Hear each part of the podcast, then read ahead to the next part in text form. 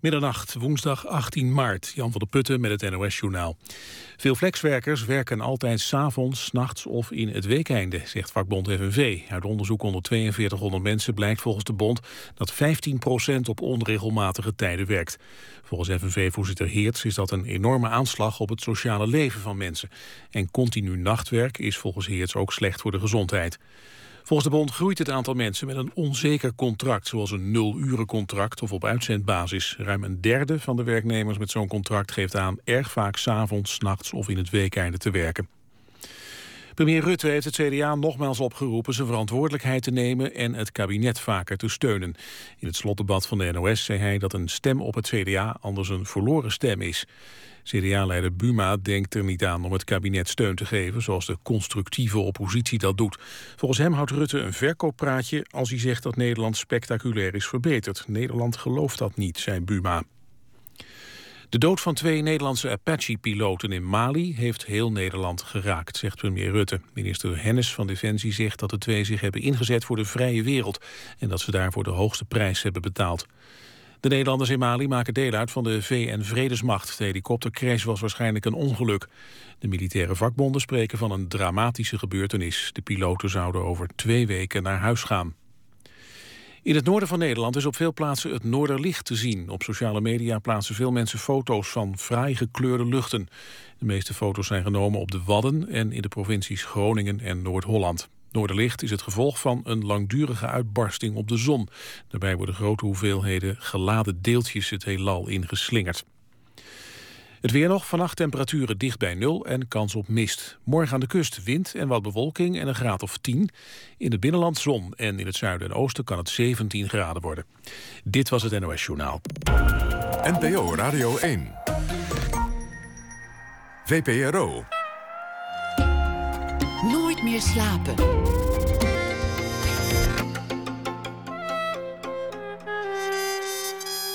Met Pieter van der Wielen. Goedenacht en welkom bij Nooit meer slapen. Thomas Verbocht die, uh, draagt na ene een verhaal voor ons voor dat hij uh, zelf heeft geschreven. Op basis van de afgelopen dag doet hij deze dag elke week. Een woord dat ineens overal opduikt: de ik-journalistiek. Journalistiek met de journalist zelf als onderwerp. Het jaarboek voor de verhalende journalistiek signaleert het als trend. Ook daar aandacht voor na één uur. Maar we beginnen met Tamer van den Dop. Drank, ziekte, geldzorgen, rancune en onvermogen. Dat zijn de ingrediënten van de voorstelling Stilte. Die is vanaf zaterdag eh, te zien in uh, toneelschuur in Haarlem. Tamer speelt uh, daarin een rol. Samen met Hein van der Helden de, de hoofdrol. En zij speelt een uh, zieke moeder in een totaal ontwrichte familie. Vorig jaar ging het ook al over een ontwrichte familie. Toen in de film Supernova die zij regisseerde en waarvoor zij het script had geschreven. Zij acteerde er zelf ook in. En de film won onlangs de Golden Royal Bengal Tiger Award in India. En kort daarvoor de Grand Jury Award op het International Film Festival Xining in China. Tamer van der Dop werd geboren in 1970 in Amsterdam, groeide op in Nederland en een klein beetje in Zwitserland. Ging al jong acteren. In 1993 studeerde ze af in Maastricht van de toneelschool. Haar eerste grote rol was in de film Provincie, waarvoor ze meteen genomineerd werd voor een Gouden Kalf. Daarna veel uh, rollen, ik ga ze niet allemaal opnoemen. Veel lof voor haar rol in de serie Zwarte Sneeuw, 1996. Daarna te zien in onder andere Karakter, Wolfsbergen. En ze maakte zelf ook films, korte films, Lot en Schat. En de speelfilm Blind. En uh, daarvoor schreef ze het script ook weer samen met Thomas Verbocht. Welkom, Tamer. Ja, hoi. Ja, zo'n uh, ontwrichte familie. Dat, dat je denkt, jongens, hou er toch mee op. Weet je wel, loop gewoon die deur uit. Ja. Kap ermee, bel elkaar als het beter gaat. Sla die deur dicht, maar dit, dit leidt nergens toe. Maar ja, dat is misschien de essentie van een familie. Je bent tot elkaar veroordeeld. Ja, dat kies je niet, hè? Nee. En die navelstrengetjes, die zitten toch nog vast. Jullie zijn, zijn druk bezig met repeteren. Ik ben vanavond wezen kijken. Jullie doen nog één of twee repetities, een try-out en dan zaterdag. Is het, is het zover? Is dit een spannend moment voor jou dan? Heel spannend, heel spannend. Zo in zo'n laatste fase zijn de stappen soms heel groot. En, uh, of weer heel klein. En nu je zit soort in een kokon en nou ga je naar buiten. Dus nou krijg je te horen wat we eigenlijk aan het maken zijn. En wat het communiceert. En of het lukt wat je samen aan het zoeken bent. Het is heel spannend, ja. ja en zo'n zo lege zaal, lukt het dan al om jezelf helemaal te geven? Of heb je het publiek ook nodig om, om echt Met tot publiek is nog komen. leuker, ja. Maar dit lukt ook wel, omdat nu gaan we de bogen maken. Dus je gaat van individuele scènes of bedrijven die je doorneemt... ga je dan s'avonds de hele boog maken. En dan ontstaan er dingen omdat je het in een, ja, achter elkaar doet... Op, in een flow en met elkaar.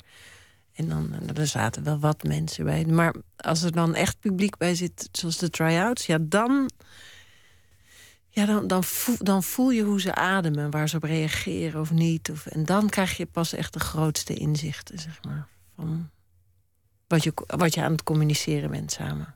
Je zou verwachten dat mensen jou vaak kasten voor de zoete rollen. Voor, Ja. voor, voor de, de, de, de lieve vrouw, voor de begrijpende vrouw. Ja. Maar het is je geluk dat je, dat je nu echt een keer een rotwijf mag spelen. Ja, wat een takkenwijf. Heerlijk. Ja. Vind je dat Nee, fijner? Ja, tuurlijk. Nee, dat, en ik mag het wel af en toe spelen, maar nu steeds vaker. Ik, ook omdat ik denk ik ouder word. Dus ik mag hierna mag ik ook eh, de moeder van Sneeuwwitje spelen. De boze koningin in Groningen. Verheug ik me ook enorm op. Volgende takkenwijf.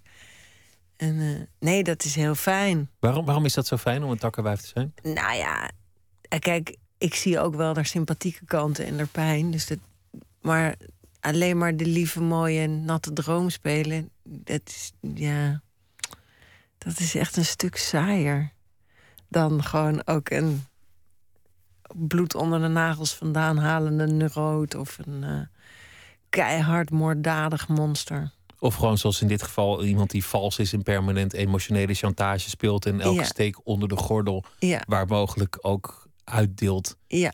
En Om- zich dan beroept op haar eigen ziekte als slachtoffer om, om niet de steek terug te hoeven vangen. Ja, zoiets. Ja. Oh, interessant. Je hebt gekeken. Ja, ja. Nou, ja. Ja. Zelf ben je niet zo'n takkenwijf, toch? Nee, vind ik Helem- niet. Nee, volgens mij helemaal niet zelfs. nee, nee, nee. Ik kan wel pittig zijn, dat weet ik wel. En, eh, en veel eisend of eh, direct. Of eh, ik, ik durf ook wel kritisch te zijn, maar ik, ik ga, nee. Ik vind het wel belangrijk dat ik mezelf in de spiegel durf aan te kijken, geloof ik. Dat ik dat. Ja. En toch wil ik wel aardig gevonden worden. Dat vind ik toch ook wel belangrijk, geloof ik. Ja. Zwakte. Zwakte. Nou ja. Je bent eh, geboren in 1970 in Amsterdam. Je groeide deels op in, in Zwitserland. Hoe zat dat eigenlijk? Mijn moeder die had een eh, Zwitserse eh, man. Of die, dat, een romance. En we gingen daar wonen. En ik ging daar naar school. In de buurt van Zurich. En heb ik daar een jaar op school gezeten. En dat klapte. En, De romance klapte. ja, ja dat was zo in de jaren zeventig. En toen was ik vijf en toen gingen we weer terug. En toen eh, woonde ik weer in Am- Amsterdam. In wat voor, wat voor een omgeving was het? Wat voor familie kom je eigenlijk uit? Ik kom, ik een hele sterke moeder die mij eigenlijk hoofdzakelijk zelf heeft opgevoed. En mijn vader is kunstschilder, dus het is wel een artistiek milieu. En ehm, mijn moeder heeft dat altijd gestimuleerd. Dat ik, eh, die hoopte eigenlijk dat ik ook ging schilderen en dat ik autonoom kunstenaar zou worden. Dus toen ze hoorde dat ik wilde acteren, had ze zoiets van: Oh, moet je dat wel doen? En eh, Nee, dus dat heb ik ben met de paplepel in meegekregen dat kunst belangrijk is. En dat je daar heel gelukkig van kunt worden. En ook ongelukkig als je, als je niet zorgt dat je ook een zekere mate van autonomiteit behoudt. Dat heb ik wel van haar meegekregen. En eh, ze, reisde veel en ze. Vroeger had ze van die hippiejurken. En, eh, en ze hebben op de markt gestaan. Ik was vroeg verantwoordelijk ook mee verantwoordelijk. En eh, in mijn puberteit was ik daar natuurlijk daar boos over. Of na postpuberteit. Nou, dat is zo'n fase dat je je ouders veel verwijt. En denkt, ja, maar waar was mijn jeugd? En nu ben ik alleen maar heel trots. En denk ik, oh, dat vind ik eigenlijk ook wel goed. Nu met mijn kinderen ook. Van nou, zekere mate van, van verantwoordelijkheid meegeven is ook oké. want daar worden ze zelfstandig van. En zelfdenkend. Dus nu... eh, word, word je weer milder en vergeef je. En dan denk je, oh, maar dat was eigenlijk best wel goed. En, Want, eh, want bij het zien van dit stuk en bij het zien van je, van je laatste film, dat gaat dan echt over ontwrichte gezinnen. mhm. Het kan natuurlijk ontzettend lelijk misgaan, Ja, zo, zo'n zo'n familie. Ik bedoel, vier of vijf of, of, of, of drie. Het zijn eigenlijk allemaal ongelukkige getallen als je erover nadenkt. en, dan, en dan die mensen die dan tot elkaar veroordeeld in een huis gaan leven. Het is eigenlijk een concept Ja, van niks. maar Lars Noreen die had wel echt een bloedhekel aan zijn moeder. En De die had schrijver een van het stuk. Ja, de schrijver van het stuk, de Zweedse schrijver van het stuk. En hij had een alcoholische vader. Nou, dat is ook niet voor de poes. Ik bedoel, dat doet wel wat met een gezin. Die kinderen waren hyperverantwoordelijk. De ene zoon die offert, gespeeld, een hele mooie rol gespeeld door Giem Vreken, die offert zichzelf helemaal op. En die neemt de vaderrol soort van over. Die, die, die denkt, nou, ik heb gewoon geen vader. Maar ja, wie ben je zelf dan als je je vader soort van totaal negeert en buitenspel zet? En eh, Sander Plukaert speelt de jonge zoon. De rol die Hein van der Heijden tig jaar geleden ook ooit heeft gespeeld op het toneel. De kunstenaar die eh, totaal in een soort identiteitscrisis is en terugkomt om een soort van korte metten te maken of zichzelf en zijn familie te confronteren met die dingen, maar ook een soort van hopeloos strand ergens tussen zijn eigen verantwoordelijkheid en zijn verwijten. En dus Hein van der Heijden die die dronken vader speelt. En dan heb je de kelder, dat is dan de onderwereld waar die steeds naar vlucht, want daar ligt de drank. Ja. En dan, eh, als Ja. die een beetje vaag begint te worden, zeggen ze: Je bent zeker weer in de kelder geweest. Ja. Een van de terugkerende verwijten. Ja, ja, ja. Die Lars Noreen had een, had een buitengewoon slechte jeugd. Is daarna ook zelf een tijdje gaan zwerven. Hij heeft ook eh, allerlei therapieën gehad. Ik geloof ook elektroshock eh, op zijn hoofd in die tijd. Genoeg stof voor, eh, voor een heel rijk oeuvre van, van prachtige Ja. stukken. Die en die Zweden die hebben allemaal al zo'n beetje iets depressieverigs. Vanwege het daglicht in de, in de winter. die zien ja. te weinig daglicht. Ja, Waar put jij uit? Want, want, want jij hebt wel een gelukkige jeugd gehad. Dus, of heb je dat niet nodig om, om ergens uit te putten? nee joh. En iedereen, elk huisje heeft zijn. Zeg maar. Ik bedoel, iedereen heeft toch ook frustraties en dat is nou net zo leuk. Dat je die kunt uitvergroten. en- Ja, en- dat is een soort. Ja, ik vind dat nou net het leukste van mijn beroep. Dat ik een beetje dat kan recyclen. Al die shit en ellende. Dan kun je gewoon weer inzetten. En, eh, of er een scène over schrijven, of het regisseren, of het herkennen. De humor daarvan inzien. Of de.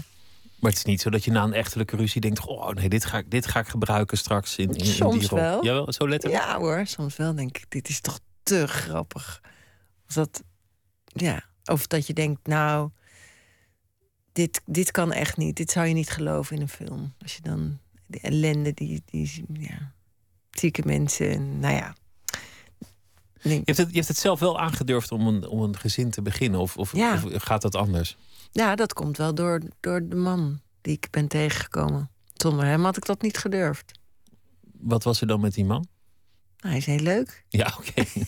hij is Tuurlijk. en hij is sterk en eigenwijs. En hij is, eh, Maar je dacht, nu, nu durf ik het wel. Dit, dit zal wel goed ja, gaan. nou, daar was eigenlijk ook wel een soort van ongeluk voor nodig. Voordat ik echt durfde. Want ik ben wel een beetje een... een eh, hoe noem je dat?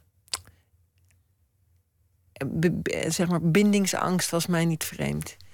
En hij kreeg een ongeluk op de A2. En toen dacht ik, jeetje, belde me op. Ja, ik ben op de A2 en je moet me komen halen. Ik weet niet waarom ik hier ben. Het was na de repetitie. En toen een vriendin van mij, die me naar Rotterdam. En toen zei ik in de auto, ik weet het, hij is het, maar ik durf steeds maar niet. Maar ik wil gewoon kinderen. Maar dat durf ik niet. Dus toen wist ik het, toen kwam ik daar en toen... Ja, nee, hij is al weg. Trouwens, mevrouw, kunt u even blijven? Uw man die heeft een behoorlijke klap gehad... en eh, zijn korte termijn geheugen is nu eh, kapot. En hij mag niet slapen diep. U moet hem om het half uur wakker maken, anders kan hij in coma raken. Dus ik moest hem de hele nacht wakker maken. En hij mocht geen drink, niet drinken en geen drugs. En hij zei de hele tijd... Ah, ik heb zo'n zin in een jointje en een glasje whisky. Ik moest de zeggen, nee, nee, nee. En hoe hield je hem dan wakker? Vertelde Ja, je dan verhalen? uur. Maar gewoon, gewoon zeggen, hey joh, wakker worden? Of Ja. had je dan iets leuks? Nee. En dan zei hij weer, oh, ik wil zo graag een jointje en een een glaasje whisky. Nou, had hij ook wel verdiend na die klap natuurlijk. ja, bah. Maar toen wist ik het. Maar er was eigenlijk, moest er eventjes het noodlot aan, aan de deur rammelen. Zei het soms niet, is dat niet zo heel hè? hard van, eh, van, van een dop wordt wakker. Ja, Je kunt wel door blijven modderen met Ja. je bindingsangst. Maar, maar nu moet je dit beginnen. doe maar gewoon. Ja, je hebt het toch niet in de hand. Ja, en dan ben je, dan ben je zwanger en denk je... Oh, die eerste weken, als het maar binnen blijft zitten. En dan denk je... Nee, nee, het moet zeven maanden vol. Want anders leeft het niet. En dan, nee, maar als, als er, het moet eruit. En dan is het eruit. En dan begint het pas. Alle zorgen. En, eh, Nu, Ja, want dan, dan is het serieus geworden, toch? Het ja, bestaan dan moeten ze op de fiets naar school en zo. Het speelkwartier voorbij. Ja. Jou, jij zei op een gegeven moment thuis, althans ik, ik ga ervan uit dat het zo ging, van goh, ik, eh, ik wil actrice worden. Hoe oud was je toen? Nou, het schijnt dat ik, dat zegt mijn moeder, maar dat kan ik me niet meer herinneren. Dat ik drie was in die hippie-tijd. Ja, iedereen van die Afghaanse jurk. En dat ik in het Vondelpark bloemetjes plukte. En zei: Ik wil mensen later blij maken. Door actrice te worden. Is dat, is dat nog steeds de niet. Ik missie? vind het erg leuk om mensen aan het lachen te maken. Of aan, aan, als je voelt dat ze ontroerd zijn door iets. Of iets herkennen. Of iets. We zijn zo alleen allemaal in dat leven. Met waar je mee worstelt. En dat, moet, dat is heel solitair. Dat moet je allemaal alleen door worstelen. En ik denk de grote momenten van geluk zijn als je het even kan delen. Een zonsondergang en dat je stil daar naar zit te kijken bijvoorbeeld. Dat kan het al zijn, maar het kan ook in een zaal zijn. Kijken naar een film en dezelfde grappen grijpen. Of dezelfde ontroering voelen bij hoe iemand een liedje zingt. Of, eh, Het is toch een, een prima missie voor een leven. Voor zover een, een leven een missie nodig heeft. Hoor. Ja. Maar als je dan toch volgens een plan moet leven. Ja, Mensen een glimlach bezorgen is toch... is dat best oké, hè? Ja, dat is toch heel wat. Ja, ja. Ik heb slechtere gehoord. Ja? Ja. Nee, mijn avond is goed. Maar goed, wat zeiden je ouders toen? Toen je zei, ik, ik nou, mijn moeder worden? zei meteen: Oh nee, toneel, dat moet je niet doen. Ga nou schilderen als je vader ben je autonoom en heb je je eigen atelier en dan ben je van niemand afhankelijk. En zou je dat nou wel doen? En, eh, en ik dacht, ja, maar. Dus ik ging van ballet naar. naar wat heb ik. Nou ja, ik ging een soort van een paar dingen af en ik dacht, operazangeres. Want ik. Dan kan ik laten zien dat je ook goed kan acteren. Plus de noten zingen. Maar mijn stem was niet sterk genoeg. En toen werd het toch acteren. Maar toen bleef het knagen. Want ik dacht, ja. Ze had, mijn moeder had het ergens toch ook wel gezien. Dat er nog iets, iets in zat wat er ook wel uit moest. En ik moet zeggen dat sinds ik regisseer en schrijf. Ik denk dat ik wel echt een leukere acteur ben geworden. Omdat ik. Ik durf wel vragen te stellen en, en te, prikkelen en zo. Maar ik vind het zo heerlijk om niet die verantwoordelijkheid te dragen. Want in mijn eigen werk kan ik zo kritisch zijn en precies doen zoals ik het wil. En dat, kan daar. Dus ik kan het ook overboord zetten als het niet de keuze is die ik in eerste instantie zou doen. Dan vind ik dat ook heerlijk om helemaal in iemand anders een fantasie eh, te staan. En daar gewoon als een soort kind ben je dan. eh, Oké, oké. Nou ja, aan de ene kant is het, is het als een soort kind. Als je zegt, ik wil mensen aan het glimlachen maken. En, en eh, het plan kwam ook uit een Afghaanse jurken bloemetjes tijd. Maar tegelijk hecht je enorm aan professionaliteit. Ja. Dat is eigenlijk ook wat iedereen bevestigt die met jou werkt. Het, is- Oh ja? het is eh, heel erg vakgericht. Heel erg, er- heel erg een, vakidioot. Ja. Echt op, techniek, op perfectie, op, op het precies goed doen. Om dat, precies dat effect te doen. Een, een seconde eerder, een seconde later. Ja, anders Het moet is helemaal kloppen. Ja, en ik denk ook wel dat dat je weghoudt van ijdelheid en ego-ding. Om het gewoon een vak te maken. Ja, ja, ja. Want Alsof anders... je die neiging had. Ja, maar ja, of ik kan er niet zo goed tegen als ik dat bij anderen zie ook. Ik weet niet, ik vind het heel bevrijdend om te kunnen denken... oké, het gaat nou niet erom hoe ik het precies doe... of dat ik nou zo mooi ben, maar we gaan dit vertellen... en dit moeten we zo sterk mogelijk doen. Dus, en zo goed mogelijk doen. Daar zit ook een soort ehm, vrijheid in die je dan krijgt. Want anders... Je bent je al zo bewust als acteur van... Nou, dat je goed voor je lichaam moet zorgen en hoe je overkomt. en. En dan is het heel fijn om één heel duidelijk noorden met z'n allen te hebben. En dat. Nou ja, en als je iets doet, kan je het beter goed doen. Want anders voelt het ook zo inwisselbaar. Maar je blijft schaven en je blijft schaven. Is er dan ook wel eens een moment dat je denkt, nu is het ook goed? Of, of blijft er altijd, nee, ik blijf blijft altijd. dat noorden altijd ten ja, noorden? Ja, dat wel. Maar ik kan wel ook. Heb ik geleerd om, om, om, om het geluk te zoeken in het moment. Van oké, dit is deze film. eh, Dat heb ik ook moeten leren. Maar de- oké, deze film kon ik nu maken. En dit is de film die ik nu heb kunnen maken. Dus bijvoorbeeld ook met Supernova. Als je me diep in mijn hart had gekeken, had ik echt heel graag nog twee weken willen monteren. Maar ik kon ook vrede hebben met: oké, binnen de mogelijkheden die we hadden en het budget hebben we echt, echt het maximale eruit gehaald. En tot op het naadje zijn we gegaan en dit heb ik eruit kunnen halen. En daar ben ik heel trots op binnen deze mogelijkheden. Punt. En ik heb, ik, heb, ik heb het niet laten versloffen, zeg maar. Het is veel erger als je denkt, ja, ik had toch nog moeten trekken... of ik had toch nog dit of dat. Maar ja, zelfs Hitchcock kon zijn eigen films niet terugzien, schijnt. En uh, David Bowie kan zijn eigen muziek niet horen. En zo zijn er ja. tal van, van grootheden die, die nog steeds dat, dat noorden niet hebben bereikt natuurlijk. Nee, maar dat moet je ook wel blijven zoeken, denk ik. Dat is ook wel... Je wil je, jezelf steeds uitdagen en in een soort van iets... een grotere stap maken voor jou persoonlijk dan... We gaan luisteren naar een Nederlandse band. Sven Hammond Soul is de titel. Tegenwoordig hebben ze de soul eraf gemot. Heet ze ineens Sven Hammond. Want het is uh, een iets ander geluid geworden. Het nieuwe album is uit. Uh, titel is 4 en het nummer heet Diamond Drink.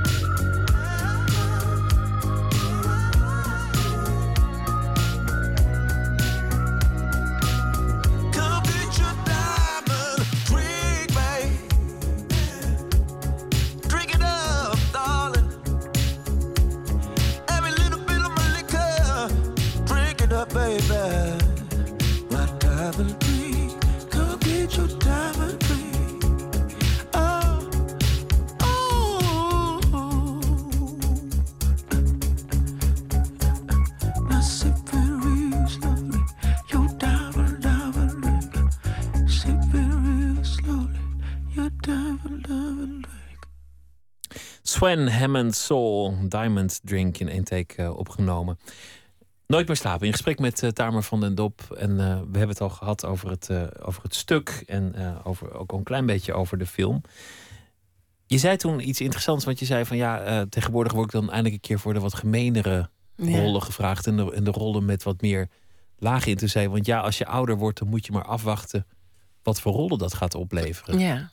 En, en elders zei het ook nog terloops van ja, als, als acteur ben je al zo bewust van wie je bent en hoe je eruit ziet en, en, en hoe je imago is. Want dat is natuurlijk ook een beetje je, je brood. Mm je, je uiterlijk en je gezicht. Ja. Hoe is dat als je begint, als je heel jong bent? Want dan ben je daar misschien helemaal niet zo van bewust. Nee, nee dan, dat is ook wel leuk aan die levenscirkel, vind ik. Dat als je jong bent, dan heb je helemaal geen idee dat het eindig is en dat je ouder wordt en dat de zwaartekracht ook jou te pakken gaat krijgen. En dan denk je, ja, pff, uh, en dan bluf je ook dat die hormonen die je krijgt in de puberteit, hè, dat je helemaal niet bang bent, nergens voor, dat je eigenlijk dat helemaal niet goed inschat en zo.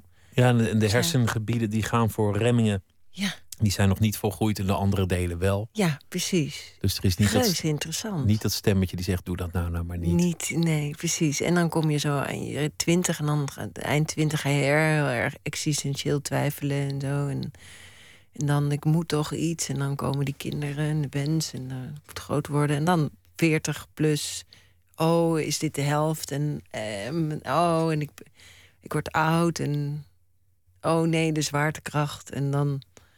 En dan ontdek je weer hele nieuwe dingen. En dan komt ja. op een gegeven moment uh, dat je het wat rustiger aan gaat doen. Dan begint het grote genieten. En dan komen de kwaaltjes. En dan ga je dood. Ja, dat is het leven. Dat, uh, we hebben het gehad. Nou. Even, even als, je, als je 19 bent, hè? Want, want bij jou begon het wel meteen heel snel. Gewoon meteen een prominente film. Ja. Tussen hele prominente uh, acteurs. Ik geloof Pierre Bokma stond je meteen ja, mee. Uh, Gijs, nou, het was eigenlijk al in mijn puberteit. Toen ik 15 was, speelde ik in Op Hoop van Zegen. En daar, uh, dat was met Danny de Munk speelde. nou, heet het nou? Hoe heet het personage nou? Van In op hoop van zeggen. Nou ja. En ik was dan de dochter van de rijke reder. En nou, daar zaten, ze zaten er allemaal in. Alle grote sterren van toen. Lex Gouds met Albert Mol. Nou ja, echt, noem, noem ze maar op. René Soutendijk, Huub Stapel, Kitty Courbois. Ramses Shaffi. Nou ja, allemaal. En daar stond je gewoon meteen tussen? Ja. Geen ervaring, niks? Geen, nee. geen nee. nou ja, piepjong? Piepjong. En die zeiden, je moet naar Maastricht, dat is de school voor jou. En toen uh, heb ik ook nog wel auditie gedaan in Amsterdam. Maar ik wilde eigenlijk heel graag weg uit Amsterdam. Omdat ik daar, al, soort van, dat is ook een soort dorp. En ik wilde eigenlijk wel in België op school, maar dan kreeg ik geen studiebeurs. Dus toen werd het Maastricht. En toen zat ik op school en toen kreeg ik de kans in het derde jaar om uh, de provincie te doen. En toen uh, moest ik een soort van natte droom spelen wel. Maar, en, maar het script, daar zaten veel meer interessante scènes in... die uiteindelijk werden geschrapt toen in de, in de shootingfase. En toen was ik eigenlijk heel beledigd ook en in de war. En toen zei mijn begeleider op school, die zei... ja, ik snap het wel, maar je kan toch ook dan proberen... om er iets anders mee te doen. En ten, dan... Uh, van dit snoesje zonder bloesje wat meer te maken dan die natte droom. En, uh... Oh, met natte droom bedoel je gewoon dat je als een sekssymbool wordt ja, neergezet? Ja, gewoon Brigitte ja, de Bardot? Grote, ja, de grote liefde van. En ik zat natuurlijk op school en wilde kunst maken. En je wilde, je wilde een grote dramatische ja. Shakespeare-achtige rol ja. met die sterfscène. En, en, en, je was gewoon een, ja, een mooi... een Lolita. Ja, ja. De, de natte droom was ik. Oh, wat heerlijk. Om dat te zijn, achteraf. Ja, natuurlijk. Maar vond je maar dat, dat toen... mijn oma zei dat ook. Ik vroeg aan mijn oma. Ik zei, oh oma, ja, er zit wel naakt. in. Ja, zeg, je opa was zeeman, ben me wel wat gewend. En toen zei ze in afloop, en het is toch mooi? Het ziet er toch goed uit? Dat was ook wel heel erg goed. Het is toch leuk? Het is leuk voor later, zei ze. Ik denk, en nu snap ik het. Maar nu heb je, ja, nu snap, want je hebt nu eigenlijk als regisseur in, in Supernova de, ja. de actrice. Die, die, die heb je eigenlijk ook heel erg... Uh, nou ja, als, als een natte droom afgeschilderd. Ja. Of, of, of laat ik zeggen, nou, het is een. Je verlustigt je met de camera ja. wel aan haar, ja. aan haar lijf. Aan haar lijf. Maar nou ja, ja.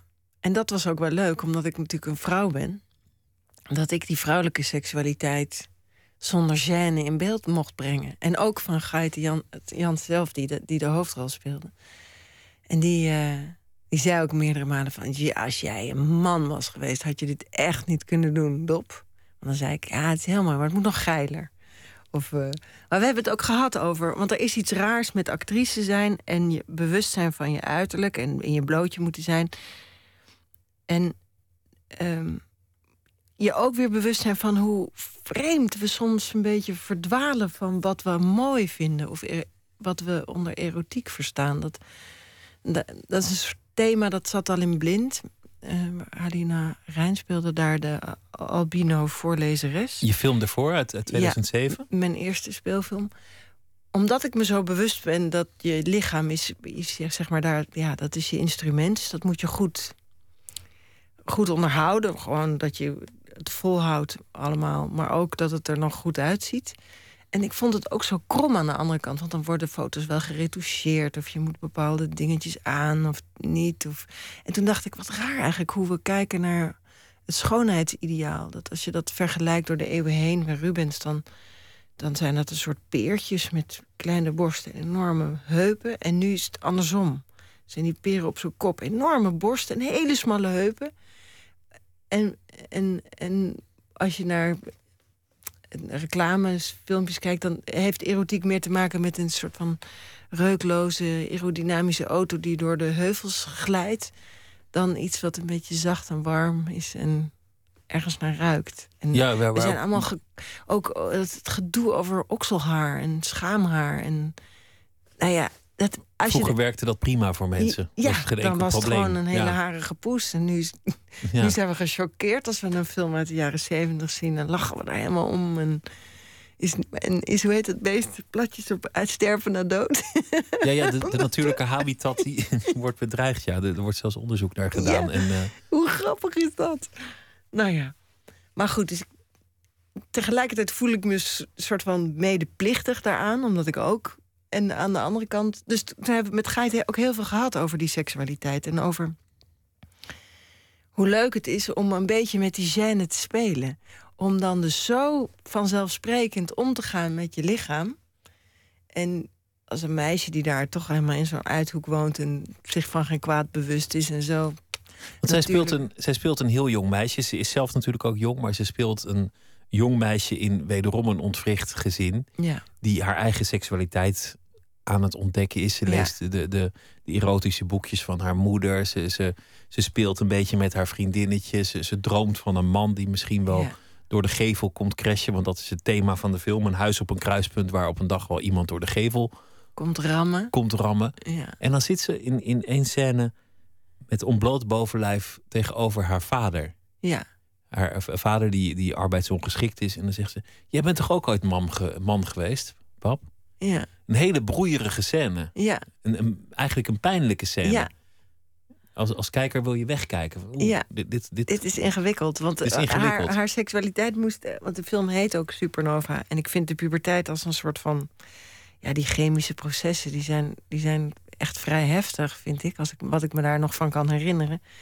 En dat die seksualiteit ook iets dreigends kan hebben, omdat het zo uit elkaar knalt voor haar. En ze heeft niks anders om handen dan die vader die, op wie ze iets kan testen. Maar niet zozeer dat ze daar nou iets verder mee wil. Maar wel benieuwd is, wat doet dat nou als ik dan topless voor hem zit? En hoe reageert hij dan? En als ik het over seks heb. En, want wat moet je anders? En eh, ehm, het, de film is gebaseerd op het boek van Do van Ranst, een, een Belgische schrijver. En, het is een prachtig boek.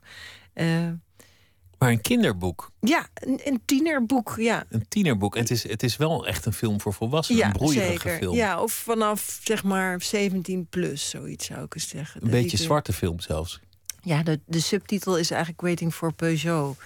Als Waiting for Godot, maar dan een auto die door de gevel zal moeten. Ja, omdat er in dat wachten zit zo die, die bestaansvraag. Die vader is de eerste die daar zo, zoveel jaar geleden naar binnen is gereden. op de bank gaan revalideren.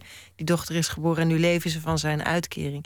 En hij moet elke keer arbeidsongeschikt verklaard worden vanwege de centen. En dat helpt ook niet voor zijn zelfesteem. En hij woont daar met zijn vrouw, zijn dochter en zijn schoonmoeder. En die schoonmoeder zegt niks meer sinds hij naar binnen is gereden. En die schudt zo haar hoofd de hele tijd. En hij ziet in dat schudden een soort continue af, afwijzing van zijn aanwezigheid. Alsof ze de hele tijd duizend keer per dag zegt: nee, nee, nee, nee, nee. Terwijl ze eigenlijk denkt: daar komt er weer een, daar komt er weer een. Ze wachten allemaal met een andere reden op die automobilist. Het, het is het noodlot. Ze hebben voorspeld van we wonen hier zo onhandig. Dit huis staat op zo'n rottige plek. Er komt vast iemand met een auto door die gevel geknald. Ja, het is ook al zeven het is al keer gebeurd. gebeurd. ja. Of zeven keer gebeurd. Maar en dan het- wonen ze ook nog bij een halve afgemaakte brug die nergens toe leidt. kortom, is- die, die auto, daar kan je op wachten. Ja. Maar het noodlot is ook een bevrijding. Ja. Ja, en ik wilde eigenlijk. Het leuke was dat ik in deze tijd, waarin we heel eh, gefocust zijn op plot en op eh, snelle fix, een film mocht maken over wachten. En dan een hele sexy film over wachten. Over een meisje die zoekt naar haar seksualiteit. En ik dacht, ja, wat kan ik daar nou aan toevoegen? Want er zijn prachtige films gemaakt over eh, lesbische relaties. Daar, daar, ik kan, het enige wat ik daar nog aan toe kan voegen is daar geen punt meer van maken. Of ze nou met een jongen zoent of met een meisje. Het gaat om de seks en de ervaring die ze wil hebben. En dat ik dat zo eh, op deze manier mocht doen om te, te ontdekken en te onderzoeken met hoe weinig plot ik het kan doen en hoe tergend grappig en ergerlijk dat kan worden. Dat was echt wel vrij bijzonder om, om te mogen doen. En heel erg leuk. En jij was de regisseur, de scriptschrijver, maar je speelde zelf ook een rol waarin je de moeder was. En, en eigenlijk permanent op de, op de uiterste pieken van je zenuwen de, de totale wanhoop nabij. Ja, Een puberdochter die niet gehoorzaamt, een man Ja. die niks meer wil. En dan een, een hoogtevrees vrouw hebben erbij, en dan een dochter die de hele tijd op randjes loopt. En wonen op een kruispunt waarvan je gewoon weet dat het misgaat. Ja, ja. ja, het was niet de bedoeling dat ik het zou spelen. Althans, per definitie niet. Ik sloot het niet uit, omdat ik wist dat, zeg maar, productioneel voor geld was het wel handig als ik het zelf deed. Dat scheelde weer in het budget. En eh, ik had al wel ervaring met een korte film waarin ik meespeelde. Dat er, er gebeurt iets geks met als je zelf meespeelt. Ik was heel bang om het te doen. En ik dacht, ja, Alex van Warmen en Clint Eastwood zijn in mijn ogen de enigen die dat echt kunnen. Want die, die zorgen wel dat ze een soort van gekke buitenstaander zijn in hun eigen universum. En toen dacht ik, ja, maar die moeder is ook een soort Clint Eastwood. Zijn ook allemaal cowboys daar in dat landschap. En die, die zit ook zo. En ik kon ook heel goed aan de keukentafel aardappels schillen. En ondertussen naar mijn monitor kijken. En dan zo één blik richting lens doen. Zo richting Want je regisseert tegelijk je medespelers. Ja, Dus je ja. kijkt van gaat dit goed? Ik speel zelf Ja. een rol, maar ik zeg ook stop, dit gaat niet goed. Nou ja, of, of nee, de afspraak was niemand stopt behalve ik. En ik, vond het, ik vind het heel leuk om een soort van toeval mee te nemen. Dus ik, ik zal niet snel zeggen stop. Als ik, behalve als ik echt denk, nou oké, dit, dit, dit, dit gaat niet. Maar het is leuk ook met bijvoorbeeld scènes met geiten. Dat als je eens meespeelt, je hoeft niet een actrice in te fluisteren wat ze deze take moet doen. Ik kan. Ik weet al van als ik er nou aan het schrikken maak, daar, ik pak er opeens vast, dan schrikt ze zich lens. En dan moet ze reageren of eh, andersom. Dus je kan wel heel direct sturen. En er is iets. Ik had een Duitse crew en die, en die ehm, raakte juist enorm ge- gemotiveerd van het feit dat ik ook op de set stond. Het was alleen, soms vergat ik zelf me een beetje voor te bereiden. En dan zei de cameraman, die was. Dat is mijn lief. En die zei ook, dan, ja, je staat weer voor carré te spelen. Maar dan zei Gait, nee, maar dat begin is heel goed, dat moet je houden. En dan dus dat ik soms vergat om zelf even te focussen. Want dan was je toneel aan het maken en niet voor de camera. ja, of En niet zo helemaal even zo naar binnen. Want dan ben je was zo bezig met. Maar aan de andere kant is dat dus ook heel tof, omdat je dus niet zozeer bezig bent met hoe je zelf presteert, maar bezig bent met de ander. En dat is eigenlijk de beste manier om je, eh, om je doel te bereiken en om de kwaliteit te krijgen die je wil. Omdat je dan niet die ijdelheid, daar heb je dan even geen last van. Dus het was eigenlijk ook wel heel. Het kwam wel goed, het viel goed samen. allemaal. Maar toen toch even naar de tienerseks. Ja. Het, het lijkt me, zo'n, het lijkt me voor, voor een vrouw, als je, als je ineens een aantrekkelijke vrouw bent geworden. Je bent een meisje, je met, met, met je hoepeltjes en, en, en, je, en, je, en je Barbiepoppen en, en alles. En dan misschien wel van de ene op de andere dag kijken al die mannen, die verlustigen Ja. zich met die blikken. En de wereld is ineens bedreigend geworden. Wat dat betreft denk ik dat je het als man veel makkelijker hebt. Ja? Ah, Omdat dat is als je als- het lijkt verwarrend. Wel nee. Nee? Nee, een man zijn is makkelijk. Maar als je als vrouw, als je dan ineens. Je bent echt de iedere- eerste die ik dat hoor zeggen. Ja, iedereen kan man zijn. Dat zou elke vrouw Ja, ook kan ik kunnen. dat ook? Tuurlijk. Dat is Oh. gewoon. Ik wil minder, min- minder tobben, minder nadenken. Je bent gewoon een man. Het gaat gewoon goed. Oh, Maar, zeker een jonge vrouw. Als, als iedereen iets van je wil, al die mannen naar je kijken en ineens die wereld bedreigend is. Ja, maar het is ook heel leuk dat ze kijken. Het is heel dubbel. Het is heel leuk, want ah, zie je wel, dit is wat ze bedoelen. En, je, en, als je een vader in de buurt hebt die, die, die raakt gestrest, die denkt nee, nee, nee. Het is ook een soort van, ja, ik doe mee. Ah, ik hoor erbij. En nu gaat het beginnen met een grote knal. Nu gaat, nu gaat het, gaat de wereld open. ja. ja nu ben ik een vrouw. Ja, ja. Ik weet nog dat ik, dat ik na het vrijen de eerste keer dacht dat je het kon zien aan me. Want zie je nu dat ik vrouw ben? Dat je, dat zou vriendje. glimmen, dat je zou glansen. Ja. Ja. Ja. of misschien lag je kin gewoon open, dan, dan ziet iedereen het. En dan eind twintig, zei je, dan, dan komt ineens een grote crisis. Een existentiële Ja. crisis, dan denk ik ineens... Of begin twintig. Ja. Het pruttelt zo door. En dan na eind twintig, dan wordt het heel pittig. eh, wat was dat? Ja, maar ik, denk- ik denk dat is wel eens... Of dat hoort misschien bij mij. Ik was wel, ik was, ik was wel een stukje minder vrolijk dan nu. Ik was wel een koffiemolentje. Maar ja, dat, die existentiële vragen. Nu vind ik ze heel ontroerend en ontwapenend. En, en eh, denk ik, oh, en dan zie ik het in elk stuk. En vind ik dat ook zo mooi. Ook zo mooi in het stuk in stilte. Dat in mijn ogen is, zit in dat stuk. Er zitten zoveel thema's, maar ook zeker. Wat doe je met je leven? En wat verwijt je je ouders? Maar wat is je eigen pakje aan? En wat doe je met een dood die nadert? Of wat doe je tegen de zinloosheid als man? Falende man die niet meer de centen binnenbrengt. En die. Van, van waaruit drinkt die man nou? Is dat, dat die existentie die maar drukt en het niet slagen van het huwelijk? Maar waar- waarom overviel dat jou? Want, want het ging jou goed. Je, je, je had een prachtige carrière, je kreeg prijzen, recensies. Je, je speelde in, in heel veel Ja. stukken, in films. Nou, ik zie dat wel bij meer jonge vrouwen ook, die zo een beetje zo midden twintig en dan zo van, nou ja, kinderen en een man en een relatie en eh, kan ik dat wel en is dat voor me weggelegd en wat doe ik met het leven en eh, daarom, ik vind dat heel leuk dat jij zegt wat een, wat een goede, eh, goede besteding van je leven om dan Mensen blij te maken. ja, en ja ze het is toch niet makkelijk. Nee, maar voordat ik zo ver was om dat ook te durven Want je dacht, dat er, je dacht dat er een groter plan moest zijn of een grotere missie. Ja, en, hoe, en ook, ja, weet je wel, dan lees je Sartre en dan ben je overal verantwoordelijk voor. Je bent alles moet je zelf in de hand hebben. En dan kom je erachter, dat was heel leuk van moeder worden en zwanger zijn. Dat je denkt, ja, dat klopt wel. Maar ook weer echt niet. Want als het donker is en je ziet weinig zonlicht, dan ben je echt somber.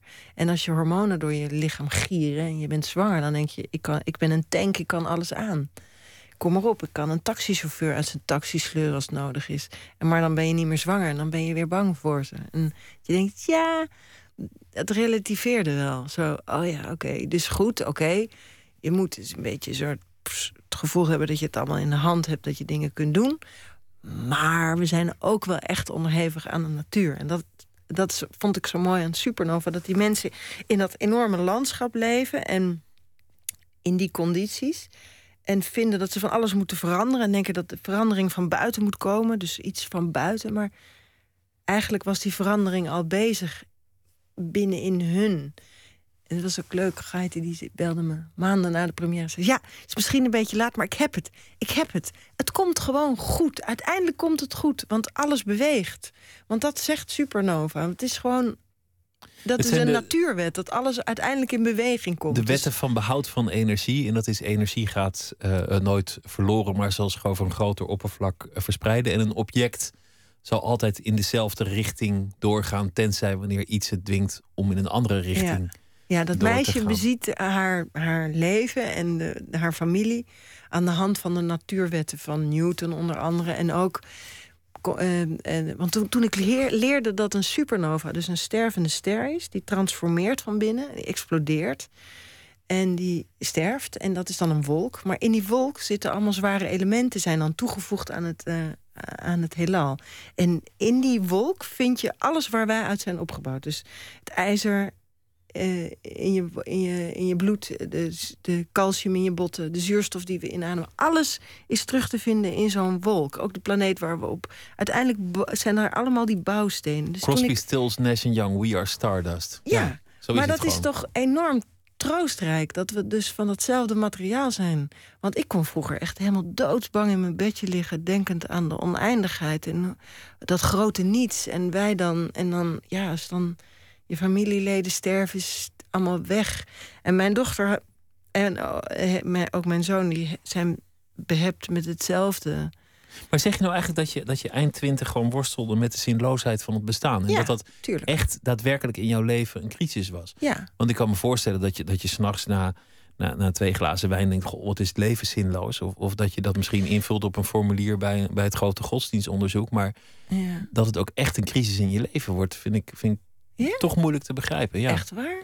Dat Oh, de meeste juist- mensen, mensen die kunnen daar prima mee leven en die, die emmeren door. Nou, ik denk het niet. Alleen hebben ze het misschien niet door. Gaan ze drinken? Of gaan ze slaan of schreeuwen? Of Dus ze worden eigenlijk overvallen door de, door de zinloosheid van het alles. Ja, ik denk dat iedereen dat af en toe wel eens even voelt. Minstens één keer per maand. Dat je dat gapende zwarte diepe gat in kijkt en denkt: Oei. verdomd zinloos allemaal. Ja. En dan kun je of in een crisis raken, of heel hard lachen. Dan maar lachen toch? Ja, toch? Laten we luisteren naar Valerie June. Want dat is een, eh, een zangeres die lekker aan de weg timmert. 2013 kwam haar eh, album uit, Pushing Against the Stone. En het eh, nummer heet Working Woman Blues.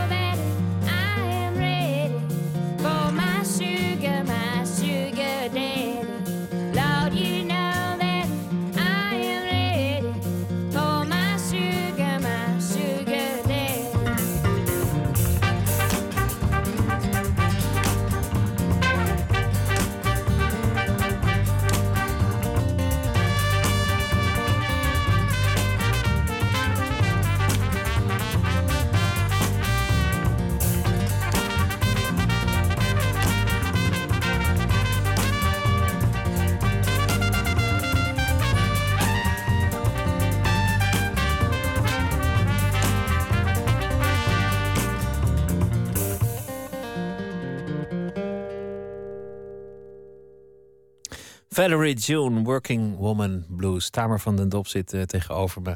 We hebben het eh, gehad over. eh, nou ja, we begonnen met het familieleven. Dat je dacht van ja. of ik dacht eigenlijk. Want zo'n gezin tot elkaar veroordeeld houden toch mee op. Waar het stuk over gaat. Toen zei je, ja, ik ben blij dat ik tegenwoordig ook gemene vrouwen mag spelen. Die zou denken dat ik alleen maar van die zachte rollen krijg. Maar dat dromerig, ben ik gelukkig vanaf. En je vertelde dat je dat je al heel jong wist dat je wilde acteren. Dat je, dat je dacht, nou ja, mijn missie in het leven is dan maar om mensen een glimlach te geven. Of om, om verhalen te vertellen of mensen samen te brengen. Want je bent anders maar zo alleen. Toen hebben we het gehad ook over het, het regisseren. Dat, je dat steeds meer bent gaan doen. Wat, wat ook je werk serieuzer maakt. Want je bent verantwoordelijk. En, en ook verantwoordelijk voor het product. Maar je kunt het ook wel weer op een gegeven moment van je afduwen en zeggen: Oké, het is perfect binnen de mogelijkheden. Ja. Daarna tobben we niet verder. Ja. En toen hebben we het gehad over, eh, over de seksualiteit en het ontdekken daarvan. En de crisis eind jaren twintig van jou, van, van de existentiële crisis. Heb je daar eigenlijk een, een oplossing voor? Want dan heb je een, een leven geleid, mensen aan het lachen gebracht. Een gezin gehad, lief gehad, kinderen grootgebracht. Maar je bent je kennelijk erg bewust van, van Ik heb het, ik ben er nog middenin.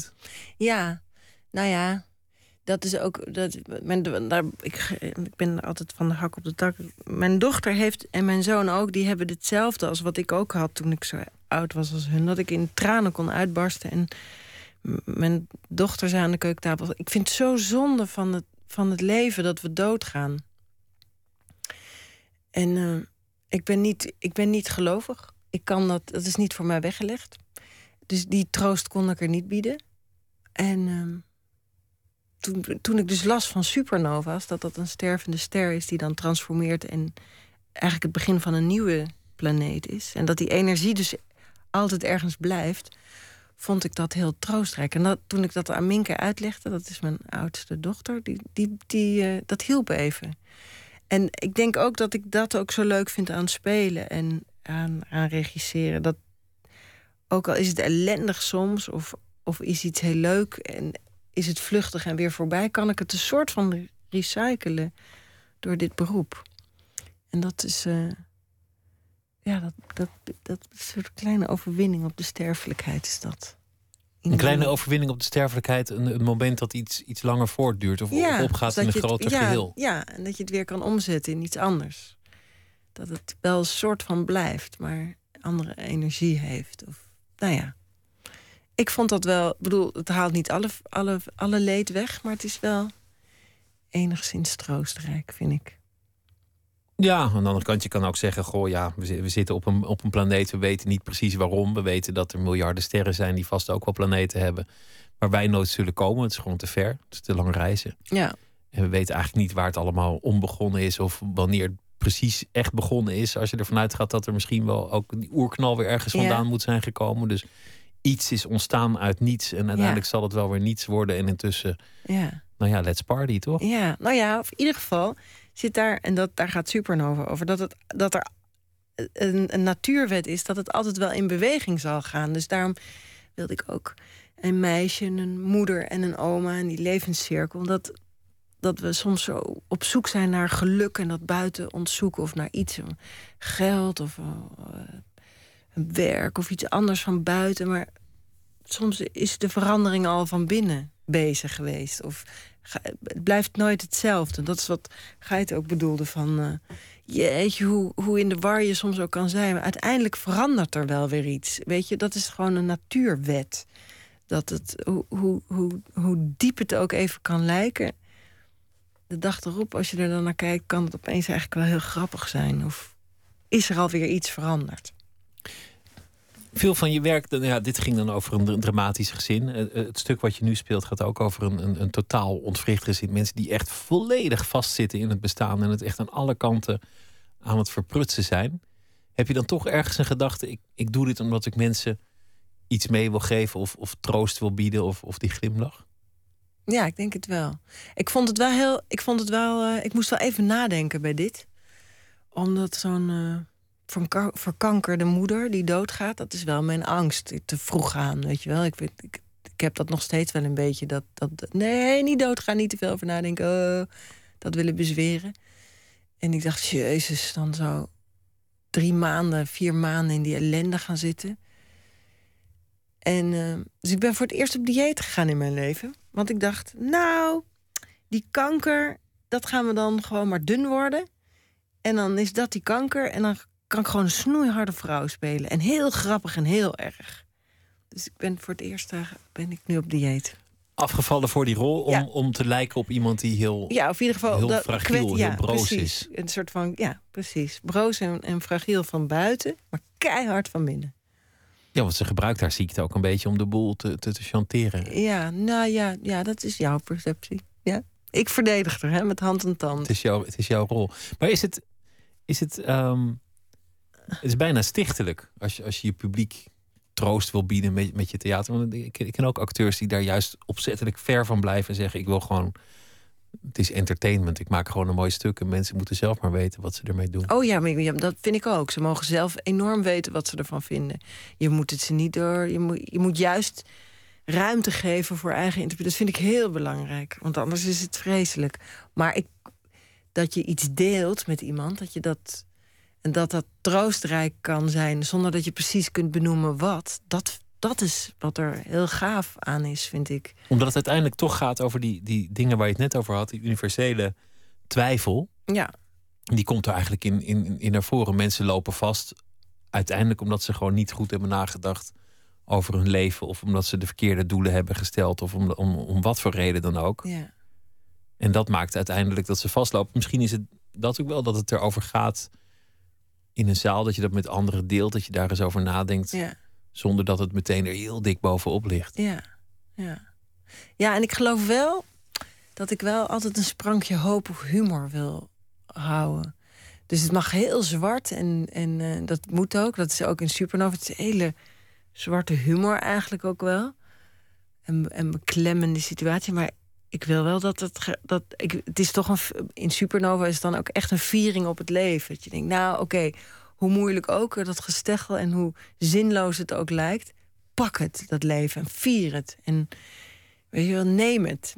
Want straks is het voorbij. Kom op. Bam. En maak mooie dingen. Ik zei al aan het begin dat je, dat je er internationaal prijzen mee hebt gewonnen. Eh, dat, het is ook vertoond op het filmfestival in Berlijn. Dat is ook al een, een grote eer. Dus die film die heeft wel wat losgemaakt. Maar ja, dan, dan is die film ook alweer voorbij. Ja, op naar dat de was volgende. het dan, op naar ja. de volgende. Ja. Hoe zie je dat voor je eigenlijk, je, je plan voor, voor, voor de rest van je werk? ja, dat is dan weer... Daar krijg ik het dan alweer benauwd van, van zo'n vraag. Omdat ik denk, oh, als je dat te veel bedenkt, dan... hm. Maar ik zou, ik zou het fantastisch vinden als ik het mag blijven combineren. Want ik, Regie en acteren. Ja, ik geloof niet zo in hokjes. Eh, dat is wel heel erg Hollands. Als je zo vanuit een vliegtuig naar beneden kijkt, zijn het allemaal van die vierkantjes. Maar ik geloof, ik hou graag met twee voeten op de streepjes. En acteren, en schrijven, en regisseren. En als ik dat nou maar allemaal mag blijven doen, dan eh, En dat dan nog flink lang. En dan, en dan hopen dat die ziekte goed? er niet komt. En, Nee. en, en, dat, gezond blijven en zo. En, en dat de eh, liefde blijft. En, en Ja. dat, dat dat verder allemaal goed gaat. En dan onderweg zoveel mogelijk mensen. Want de rest is wind. Het is allemaal wind. Als je dan Wat te is veel- wind? Nou, prijzen. Of, eh, kijk, het- je moet zorgen dat je genoeg succes hebt dat je kan blijven werken. Maar je moet niet zoveel succes hebben dat je in al die roddelbladen staat. Want dan ben je niet meer vrij. Een soort van. Ach ja, daar valt ook wel mee te leven. Ja. Sta je een keer in die roddelbladen. Wie leest dat nou? Ja, dat is ook Het misschien. is dus ook weer onzin. niet. Moet je ook niet door. Je moet er niet naar streven, maar je moet er, moet er ook niet nou door ja. laten afleiden, lijkt me. Nee. Lijkt me Maar dat is zo de inhoud. Het gaat altijd om de inhoud. Dat is ook zo fijn.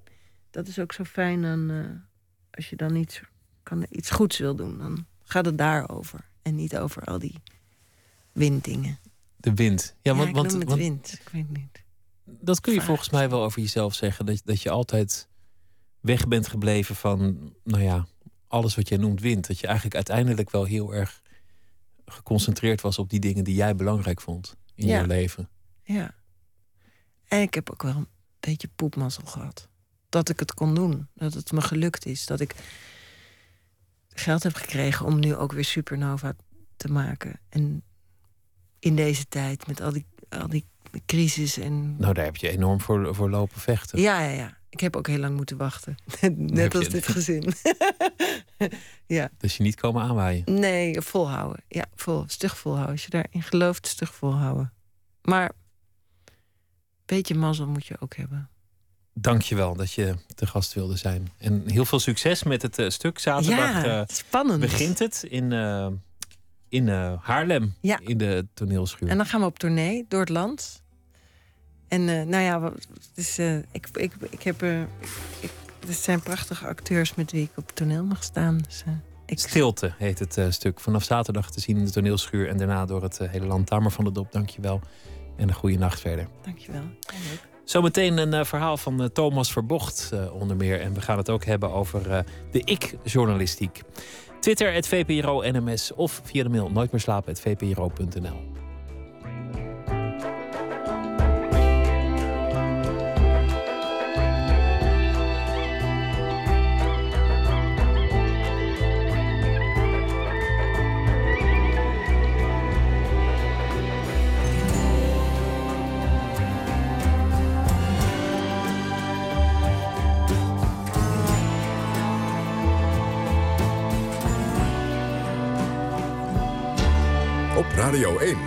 nieuws van alle kanten.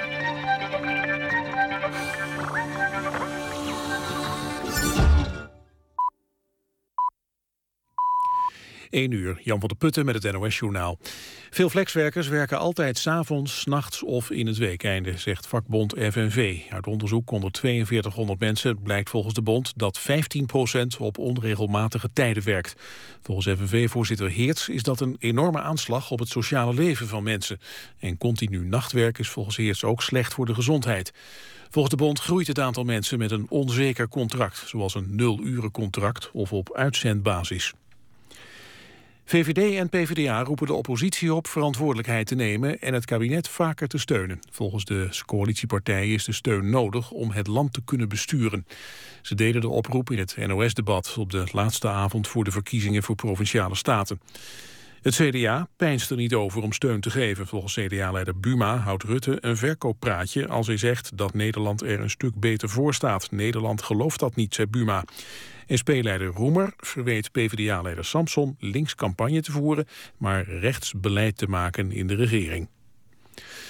Pierre Carter, vader Abraham, heeft een oeuvreprijs gekregen op het Buma Award Gala. Hij werd geëerd voor zijn lange carrière. Dotan won een prijs voor Home, het meest gedraaide en gestreamde en gekochte Nederlandse nummer. Mr. Props kreeg een Buma-onderscheiding voor Waves, het meest succesvolle Nederlandse nummer in het buitenland.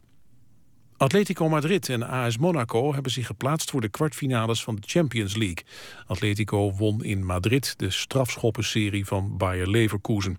Na reguliere speeltijd en verlenging stond het 1-0. Met die cijfers wonnen de Duitsers de eerste wedstrijd. Het duel tussen Monaco en Arsenal was wel na 90 minuten klaar. Arsenal won de uitwedstrijd met 2-0, maar dat was niet voldoende na de eerdere 1-3 thuisnederlaag. Het weer nog vannacht temperaturen dicht bij nul en kans op mist. Overdag aan de kust wind en wat bewolking en een graad of 10. In het binnenland zon en in het zuiden en oosten kan het 17 graden worden. Dit was het NOS Journaal. NPO Radio 1. VPRO. Nooit meer slapen.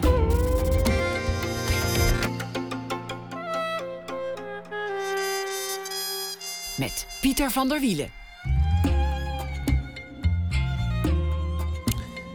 U luistert naar Nooit meer slapen. Thomas Verbocht is eh, schrijver van eh, verhalen, toneelstukken, columns, romans, beschouwingen. Hij eh, kan ook op het podium voordragen. Hij maakt theater samen met Joep van het Hek.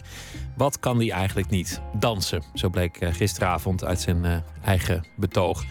Hij zal deze week voor ons elke dag een verhaal schrijven over de dingen die hij die dag heeft meegemaakt of gezien. En dat na ene voordragen. En dat is nu. Goeienacht, Thomas. Goedenacht, Pieter. Ja, verhaal is natuurlijk een beetje een groot woord. Hè? Het is een, meer een reactie op een actualiteit. Ehm, ja, ja, soms misschien, misschien wordt het wel een verhaal hoor, maar, eh, maar dit is dan een beetje een autobiografische herinnering eh, die ik gemaakt heb. Maar ik vind een verhaal misschien iets te, een iets te forse typering. Oké, nou dan zullen we in alle bescheidenheid zeggen een, een eh, notitie bij de dag. Een, Precies, dat vind ik mooi, ja. mooi. Wat was het voor dag? Dit- mijn dag vandaag, Ja, of de dag in de wereld. Hoe zal je deze dag, als je me al zult herinneren, want je zult ze niet alle, wat is het, 10.000 herinneren aan het eind. Maar Nee, maar ik heb, ik heb vandaag moest ik, eh, mocht ik even op de Hogeschool van Tilburg eh, een gastles over schrijven geven. En ik heb vanavond eh, nog wat dingetjes gedaan aan mijn roman, die, die, die, die klaar is, min of meer. Maar ik heb nog even een paar dingetjes toegevoegd. En eh, toen heel even een fragmentje van het eh, eh, verkiezingsdebat gezien. En ehm, nou, toen even nagedacht over, ehm, over dit programma en over mijn eh, bijdrage eraan. Maar ik, ik wist al wat ik zou gaan doen hoor. Want ik zag iets in het ehm, parool staan wat mij heel blijmoedig stemde. Nou, wat was het? Ik zal het even voor gaan lezen, Pieter. Goed, ga je gang. Ineens vliegt er een troostrijk vliegtuig onze wereld in. Het vliegtuig van Brussels Airlines dat Rakam heet. Op het passagiersvliegtuig is de onderzeeër geschilderd die zo'n prominente rol speelt in het avontuur van Kuifje, de schat van Scharlaken Rakam. Een onderzeeër in de vorm van een haai, ontworpen door professor Zonnebloem, die in dit avontuur voor het eerst voorkomt. Het boek kreeg ik eind jaren 50. En nu, ruim 50 jaar later, vaar ik zeker een paar keer per maand mee op de Sirius, het vierde schip van kapitein Haddock. Het is een boek met heel veel zee. En net als met de echte zee is deze ook goed voor mijn gedachten, die de ruimte kiezen om verfrist en optimistisch bij mij terug te keren. Door het Belgische vliegtuig dwaal ik ook door de tijd waarin ik het boek in de winkel zag staan. Met op de kaft inderdaad de onderzeeër die op het vlieg- vliegtuig zat afgebeeld. Ik kreeg de albums van Kuifje uiteraard niet allemaal tegelijkertijd. En in die dagen had ik niet genoeg zakgeld om ze zelf te kopen. Nee, ik moest wachten op verjaardagen of Sinterklaas. En tot dan moest ik het doen met wat ik in het, wat ik in het etalage van de boekhandel zag. En je mocht als kind echt niet door het boek bladeren van de boekhandelaar. Nee, ik keek naar de kaft en stelde me voor wat het avontuur behelste waaruit dit beeld afkomstig was. En voordat ik het boek eindelijk kreeg, had ik misschien wel honderd keer zelf een avontuur bedacht waarin de kleine onderzeeër voorkwam. Cadeaus van mijn fantasie voordat het echte cadeau kwam. En zo ben ik begonnen mijn fantasie op te voeden. Hoe Kuifje misschien toch ook wel een klein beetje het begin was van een, eh, een loopbaan uiteindelijk als, eh, als schrijver. Ja, ja. En zeker wat ik bedoel, eh, ik, ik kreeg ook toen ik een jaar of zes was, kreeg ik ehm, de sigaren van de Farao cadeau. En ehm, misschien ken je het eh, album wel, Pieter. Ja, ik ken ze allemaal, ja. Oh, nee, kijk, en dat, kijk ik, ik woonde dus, ik woonde toen in Nijmegen. eh, eh, en en in een hele, ja, het was een, een hele kleine wereld waar je met mijn ouders af en toe met de trein reisde. Maar in de, in de sigaar van de Faro zie je op de eerste pagina Kuifje en Bobby op een schip. En Bobby vraagt dan, hoe lang duurt de reis nog? En dan gaat Kuifje dan uitleggen. En dan zie je bij zijn uitleg ook kleine landkaartjes afgedrukt. En toen voelde ik dat de wereld ook eh, echt veel groter werd dan de plaats waar ik woonde. En en eh, dat, dat was voor mij een enorme openbaring. En soms waren het ook verzonnen landen. Moldavië en, en Sildavië. Sildavië, Bordurië, niet te vergeten. Ja, zeker. Prachtige En- ja, maar- albums. Echt, echt legendarisch.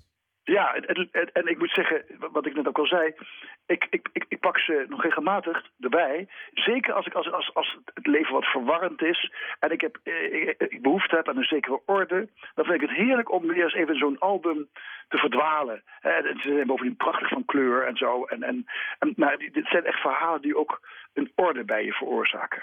Ja, en mijn, mijn moeder was lerares Frans. Dus die, die gaf mij alle kuifjes in het Frans. Want dan dacht ze dat Ah. ik er iets van leerde. Dus ik begreep er nooit ene donder van. Want, want ik kon helemaal geen Frans. En ging je toen ook bedenken wat er stond?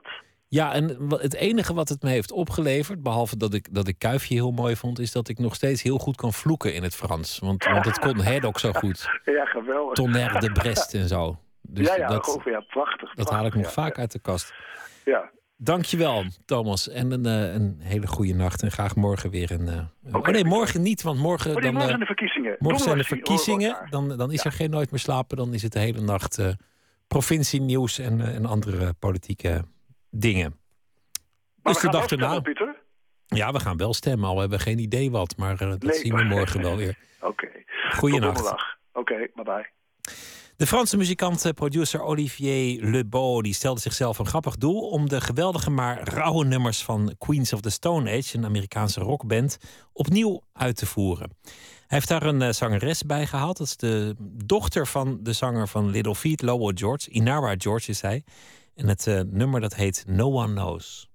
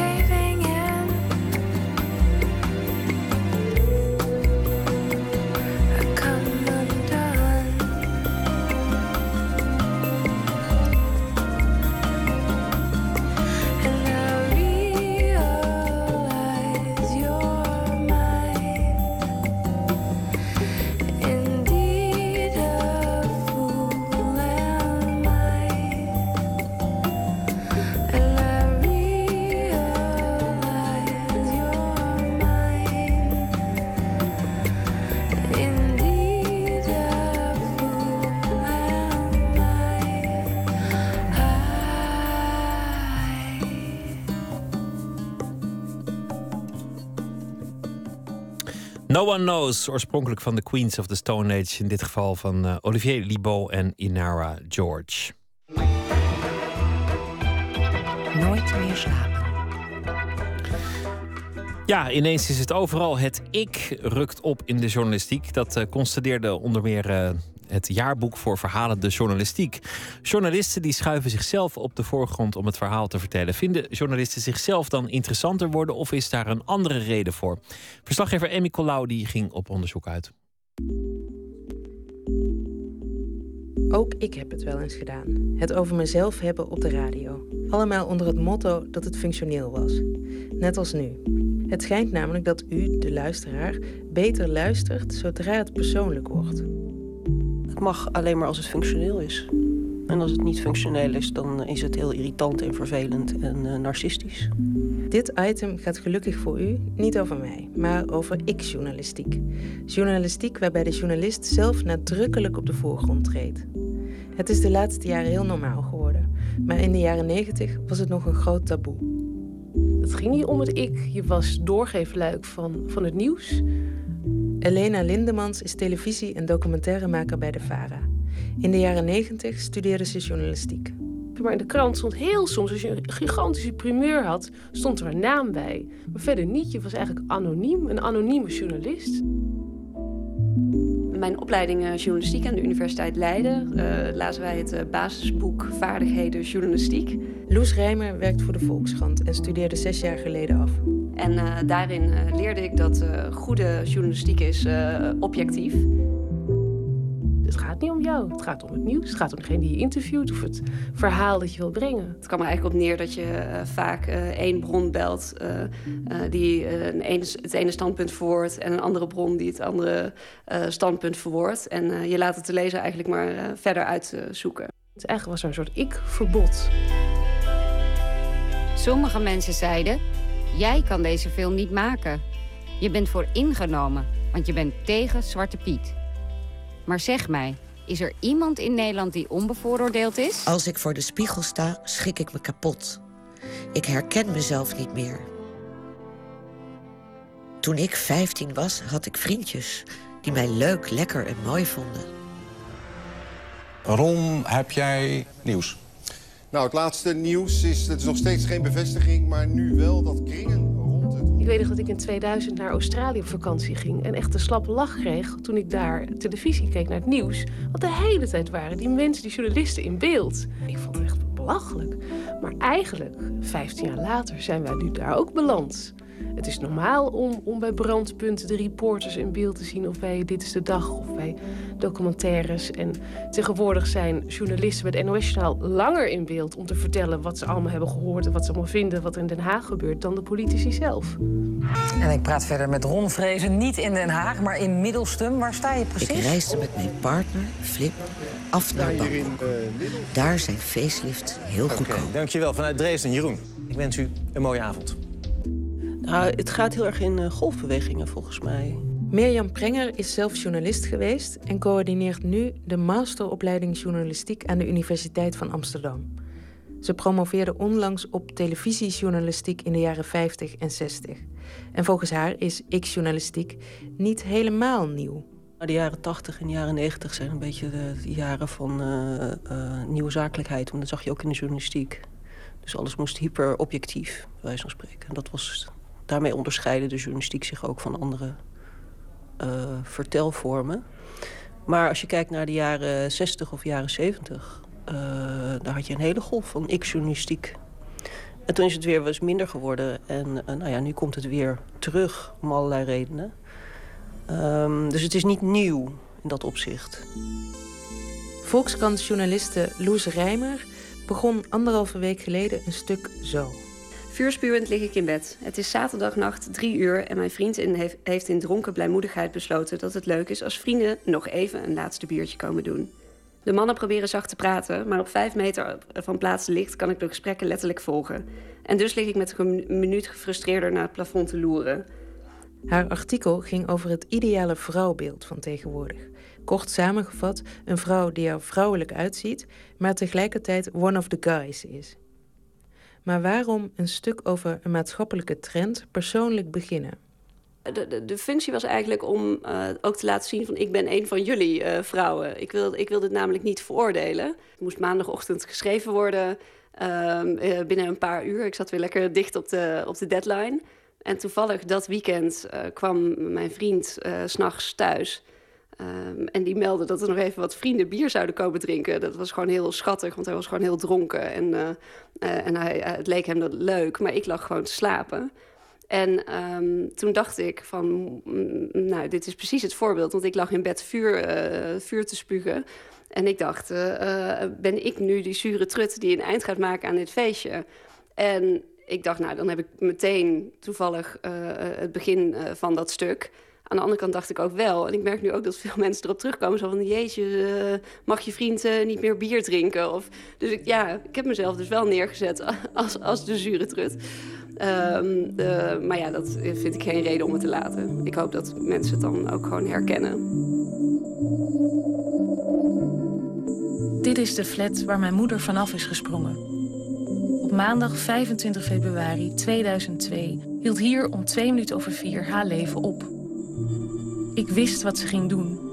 En ik heb haar niet tegengehouden. Elena Lindemans maakte vorig jaar een zeer persoonlijke documentaire over de zelfmoord van haar moeder. Vanaf dag één wist ik wel dat ik het heel persoonlijk wist, moest maken. Maar ook echt heel persoonlijk. Omdat het natuurlijk zo'n abstract onderwerp is, euthanasie in de psychiatrie. De drie muntflats in Heerenveen. 15 verdiepingen hoog. Ik weet niet vanaf welke verdieping ze is gesprongen. Ik ben na haar dood nooit meer naar die plek geweest. Alleen al bij het idee zou ik moeten overgeven. In de afgelopen elf jaar heb ik niet eens die kant op durven kijken als ik hier op de snelweg reed. Dat het natuurlijk ook zo'n gigantisch persoonlijk verhaal is, had ik dat ook niet anders kunnen maken. Maar vervolgens was het wel zo dat de VARA daarna dacht: hey, wat, wat, wat, wat mooi eigenlijk. Um, en toen ben ik gevraagd voor het economieprogramma EZ. En daarvan werd ook gedacht: hé, hey, dat, dat werkt bij haar heel goed, die zoektocht. Dus ik heb ook voor dat programma um, het ook heel persoonlijk gemaakt. Waarin zelfs mijn kinderen, en mijn man en mijn huis, alles in beeld kwam. Ja, waardoor je jou bijvoorbeeld in de zandbak ziet zitten met je kinderen. Ja, ja. Nou, de huidige opkomst kan je herleiden tot allerlei uh, factoren. Ik zal een paar noemen. Uh, in de plaats natuurlijk de opkomst van internet en de blogosfeer. Waarin een, op blogs een veel persoonlijker toon wordt uh, aangehouden. En dat zie je dan langzaam doorcijpelen in de, in de gewone journalistiek. Um, het heeft ermee te maken dat, dat kranten, als we het daarover hebben, zichzelf aan het heruitvinden zijn. Um, het voldoet niet meer om het nieuws te brengen, want dat zit allemaal op internet. Dus je moet andere vertelvormen gaan, gaan uh, vinden die um, het publiek dichter betrekken bij wat je, wat je doet. Ja, het is eigenlijk de, de these uh, Rob Wijnberg, zoals hij dat een keer heeft geschreven in de Groene Amsterdammer. Rob Wijnberg is de hoofdredacteur van de Correspondent en hij schreef van jongere lezers willen eigenlijk niet nieuws, maar views. en dat zie je natuurlijk ook in de journalistiek dat uh, bijvoorbeeld kranten zijn veel meer gaan duiden, um, veel uh, meer uh, analyses gaan schrijven. Want het, gewoon het nieuws vinden we al op internet. Het heeft ook mee te maken dat um, er toenemende behoefte is aan authenticiteit, aan het persoonlijke überhaupt. Dat zie je niet alleen in de journalistiek. Journalisten moeten zichzelf laten zien op Twitter. We zijn gewend ook gewoon elkaar direct aan te kunnen spreken. En ik denk dat je als journalist dan ook uh, automatisch meer van jezelf laat zien?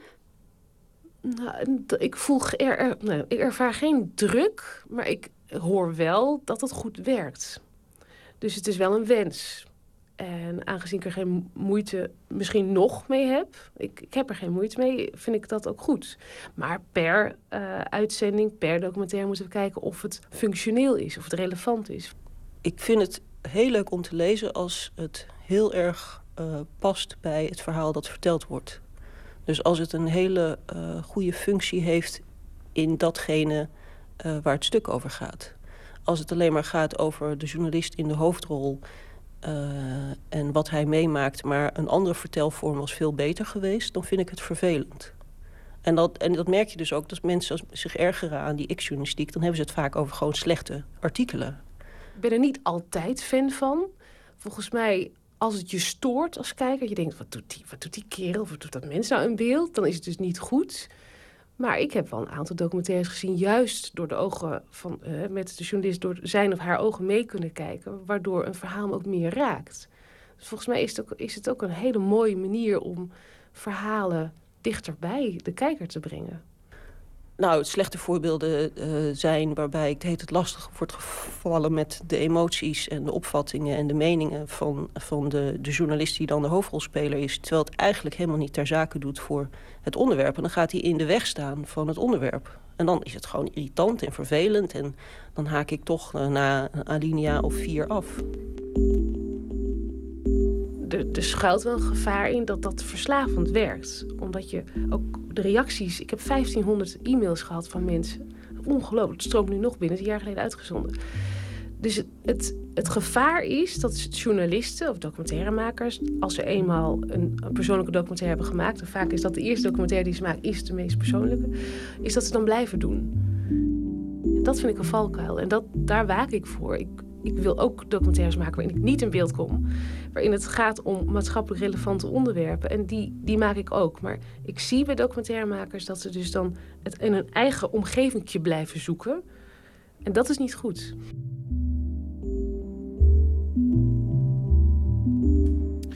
Mikkel Lauwe in gesprek met eh, Mirjam Prenger van de Universiteit van Amsterdam, Loes Rijmer van de Volkskrant en Elena Lindemans van de VARA. Haar documentaire Moeders springen niet van flats werd gekozen tot een van de beste verhalende journalistiek verhalen van 2014. Is eh, terug te zien via uitzending gemist. Het was eh, 1951. eh, The Thrill is Gone werd eh, bekend later in de versie van B.B. King, maar het werd geschreven door Rick Darnell en Roy Hawkins. 19 jaar later zou B.B. King het eh, opnemen en dat is toch wel de mooiste versie. Hier is die B.B. King met The Thrill is Gone.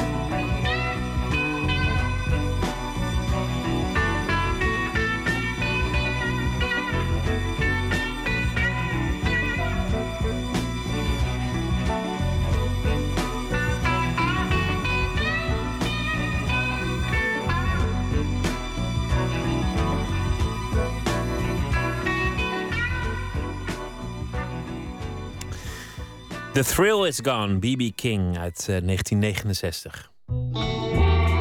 Nooit meer slapen. Het was een eh, helse klus. Het leek ook een wild plan, maar het is uiteindelijk gelukt. De mensen van Theater Encyclopedie hebben het bedrag bij elkaar via crowdfunding om oude opnames van toneelstukken op het web te kunnen zetten. Nachtcorrespondent Botte Jellema weet er alles van.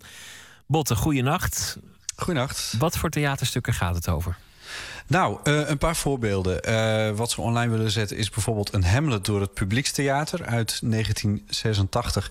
Met als Hamlet een eh, jonge Pierre Bokma.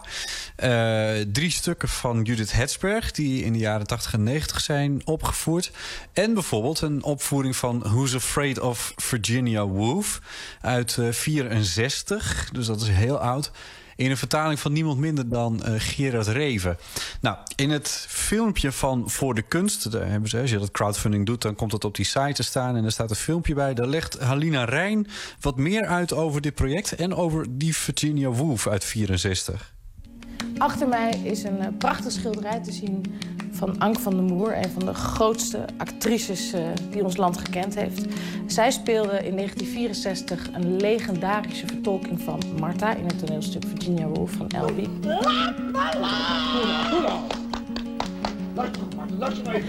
En ik zou niets liever willen dan die opname kunnen zien. Dat die opname toegankelijk zou zijn voor iedereen. Nou, het plan is duidelijk. Oude opnames beschikbaar stellen aan het publiek. Waar komen die oude opnames vandaan? Ja, die eh, komen uit het archief van het voormalig Theaterinstituut Nederland, het TIN. En dat is zo'n eh, drie jaar geleden eh, opgeheven. Toen is dat gesneuveld in de bezuinigingen. En die collectie die zij hadden is overgenomen door de Universiteit van Amsterdam. inclusief een groot aantal banden, cassettes en harde schijven met videoopnames van de toneelstukken. Maar ik wilde daar ook wel iets meer over weten. Dus ik heb even contact gezocht met de projectleider van deze actie. En dat is Annemarie Kremer. Zij legde mij uit hoe dat archief er nu uitziet. Nou, je moet je voorstellen dat die hele theatercollectie, die dus uit 500.000 items bestaat, opgeslagen is in de twee depots. In Amsterdam Zuidoost staan die. En eh, in één hoek staan een aantal rekken vol met onder andere VHS-tapes. Ook nog wel oude tapes op die grote ronde kokers kan je er vinden. En natuurlijk een heleboel op servers. Die voor een deel dan wel digitaal zijn, maar dan weer in allerlei verschillende bestanden zijn opgeslagen. Ja, die tapes die zijn eh, ooit in opdracht van het voormalige eh, eh, Theaterinstituut gemaakt. Of door de gezelschappen zelf. En als die theatergroepen eh, opgeheven werden, dat gebeurde nog alles. dan vroeg het Theaterinstituut of er opnames waren. En dan haalden ze die ook op.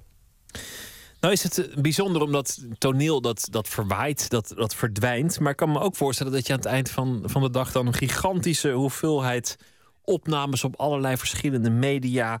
eh, ja, dat het een soort reusachtig boeket is geworden wat je dan bewaart. Ja, nou ja, je moet je voorstellen dat het dus inderdaad vanaf de jaren zestig eh, is begonnen. En we hebben wel een aantal verschillende filmmedia gekend sindsdien. En die zijn dus ook allemaal in eh, dat archief terechtgekomen.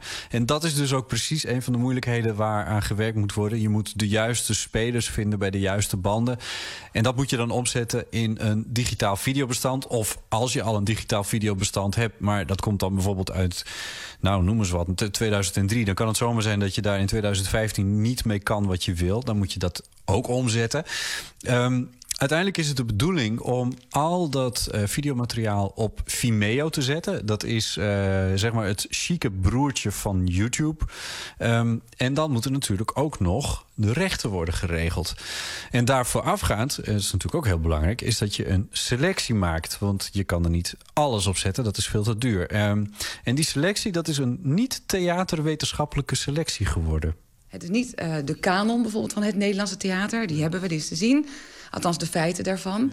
Eh, het is een selectie van een aantal voorstellingen... die ja, door de disciplines heen, door de tijden heen... een mooi beeld geeft. Met een aantal mooie acteurs ook. eh, en dansers en mimers eh, laat zien. En we hebben ook gezegd, het is een open selectie. Dus mensen mogen ook tips aandragen. Kunnen ook zelf zeggen, ik wil een voorstelling adopteren.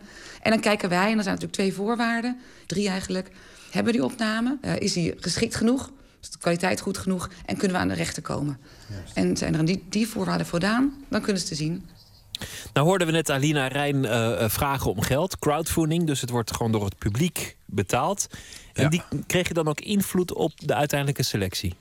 Ja, jazeker. Als je eh 500 euro of eh, meer doneerde, dan eh, kon je zelf uitkiezen welke voorstelling met jouw gift klaar wordt gemaakt eh, voor het internet.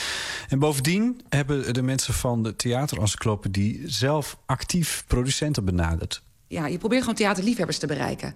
En dat zijn eh, theaterbezoekers. Dat zijn mensen die niet eens zo vaak naar het theater gaan, maar een grote liefde hebben voor theatergeschiedenis. Dat zijn mensen die professioneel werkzaam zijn in het theater, nu of geweest. Eh, en dat zijn inderdaad ook de huidige theaters en eh, producenten. En die hebben we inderdaad actief benaderd en ook wel eens van tips voorzien. Van, goh, deze voorstelling is bij jou in première gegaan. Zou je dat nou niet leuk vinden? En soms kwamen mensen op ons af en zeiden, goh, ik wil graag die voorstelling adopteren. Dus het is niet zo dat je straks een eh, kanon online hebt, zoals ze al zei. Die kanon die bestaat wel, maar die staat gewoon eh, uitgeschreven op die website van eh, de Theaterencyclopedie. Eh, maar je krijgt dus een, selectie van eh, theaterfilms. Eh, en dan onder andere van films waar ze geld mee eh, los konden krijgen. Nou ja, dat moest ook wel. Want eh, ze krijgen alleen nog wat steun van een paar fondsen. Maar heel veel geld is er gewoon niet. En het is veel te duur om het hele archief te digitaliseren. Ehm, ja, en dat, de rest van het archief, daar kunnen we dus voorlopig niet bij.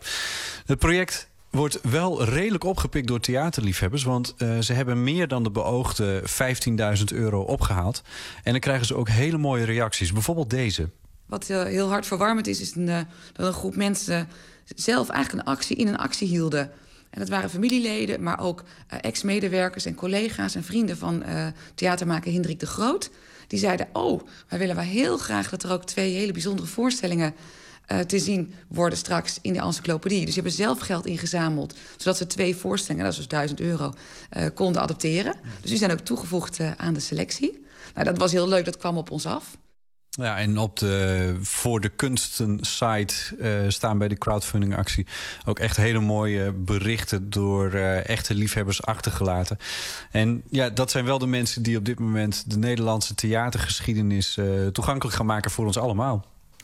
Maar het zijn geen televisieopnames, dus niet meerdere camera's en, en een mooie regie. Soms, soms gewoon één camera of, of iets dat dan even voor de regisseur is gemaakt als een, als een geheugensteuntje. Is het wel leuk om naar te kijken? Nou, zeker. Nou, het, het is deels waar wat je zegt. Eh, de opnames uit de jaren 60, die zijn wel eens met is zwart-wit gemaakt met één camera vanuit achter in de zaal. Nou, daar moet je dan maar net even zin in hebben. Eh, maar modernere opnames zijn wel degelijk ook met meerdere camera's gemaakt. En die zijn wel in kleur en die hebben wat beter geluid. En eh, dat zijn wel echte mooie registraties. Ehm, maar het klopt wat je zegt dat het geen tv-opnames zijn. En dat heeft gewoon een pragmatische reden. Dat heeft met rechten te maken. Ehm, maar dat betekent ondertussen dus ook dat die opnames nog nooit te zien zijn geweest. Eh, het is nooit vertoond op de televisie. En je kan het ook niet terugvinden in bijvoorbeeld eh, zo'n museum als eh, Beeld en Geluid. Het, het Omroepmuseum in, in Hilversum. Dus in die zin is het ook echt uniek. En ja, wat, wat ik net al zei, het is met theater zo, het verdampt, het komt nooit meer terug. En vaak zijn er helemaal geen opnames. Dus dan weet je dat een bepaalde legendarische voorstelling ooit heeft bestaan. Maar dan zal je die nooit meer zien. Dus dit, dit is in die zin wel een, een, een oplossing daarvoor. Ja, nou ja, en, en ook, ook voor, voor onderzoekende eh, opdrachten. Stel dat je je een keer in Hamlet wil verdiepen. En je kan dat doen door een keer te kijken naar hoe Pierre Bokma die ooit heeft gespeeld. Ja, de- hij zal die rol nooit meer spelen. Want dat is nou typisch een rol die je speelt aan het begin van een eh, eh, acteurscarrière. Ehm, en dan kan je dat toch nog eventjes terugzien in, in zijn handen. Ja, ik ben daar nieuwsgierig naar. Dankjewel, Botte Jellema. Graag gedaan. Carrie en Lowell waren de moeder en de stiefvader van de Amerikaanse muzikant Sufjan Stevens. Zij gebruikten hun namen en hun verhaal voor het nieuwe album, zijn eerste sinds 2010. Het verschijnt eh, over een eh, dikke week. Dit nummer mogen we al draaien, Should Have Known Better.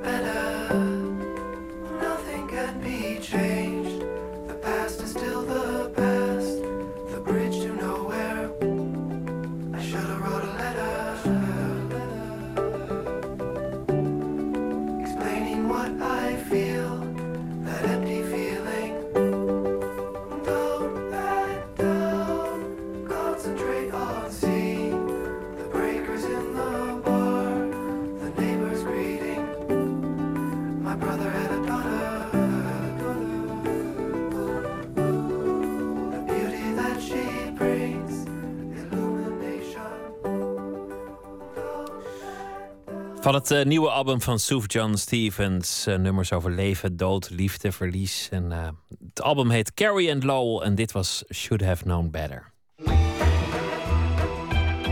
Nooit meer slapen. Hij werd eh, wereldberoemd met eh, foto's van eh, het huwelijk van Beatrix en Klaus met de rookbom, de happenings bij het lievertje en John en Yoko in het bed in het Hilton. Cor anderhalf jaar na zijn dood, brengt Huismuseum in Amsterdam een tentoonstelling van zijn leven en werk. De titel is Cor was hier, samengesteld door fotograaf Sander Troelstra, die de laatste twee jaar lang van het leven intensief optrok met Cor. Matthijs Deen die trof Troelstra in dat Huis Marseille. De stem van Cor Jaring, die hoort u ook. Die komt uit de documentaire die Jasper Henderson in 2010 met hem maakte.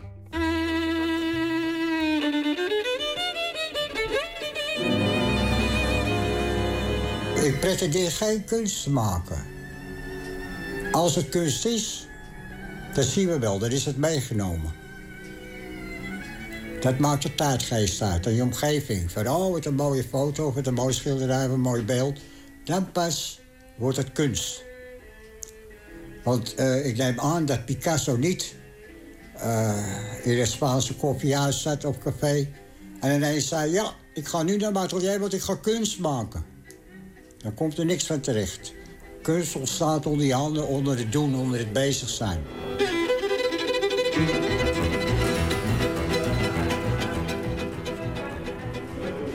Ja, ik kan wel. In de bel-etagezaal komt eh, vooral eh, toch wel bekend werk. En ehm, er komt een stukje ja, Provo, eh, straatbeelden Haring Ari. En het, het havenwerk van Cor. En een, een klein stukje onbekend werk van de familie Tata Mirando. En dat is heel vroeg werk, 1962. Dat is eigenlijk heel mooi. Ik laat het zien. Ja, dat staat hier.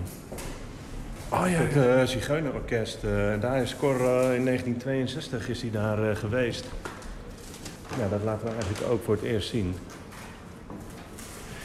Hier was hij gewoon net begonnen. Her- Herken je hem hierin? Ja, ik heb dit ook bewust gekozen omdat hoe zij leven en die vrije levensstijl en toch een beetje dat, dit schuren aan de, aan de onderkant, dat is iets wat Cor gewoon, eh, dat, dat, daar had zocht hij hij iets op. mee. Ja, daar had hij iets mee. Vandaar dat hij daar heel makkelijk naartoe ging en, en, eh, en ook zo heel die familie zo bij elkaar krijgt. Omdat, eh, zo zie ik dat eigenlijk voor me. Van, ja, allemaal even bij elkaar, allemaal even voor, even voor de foto. En dat, eh, dat was echt Cor, die, die, die was heel ja, Aanwezig. aanwezig. Ja, ja dat, was een, dat was een kracht. Het heeft ook net geregend. Ja, het is, ja, je- ja, ik vind het zelf ook prachtig. Want je ziet hoe ze daar ja, leven. Er staat een, stoel en een auto op zijn kant. En aanhangwagen, alles vergaat een beetje. Maar daar, ja, daar hangt toch wel een soort interessante sfeer dat er geleefd wordt. Volgens mij is hij hier ook op een stoeltje gaan staan of zo. Ja, hij staat inderdaad hoger. Ja.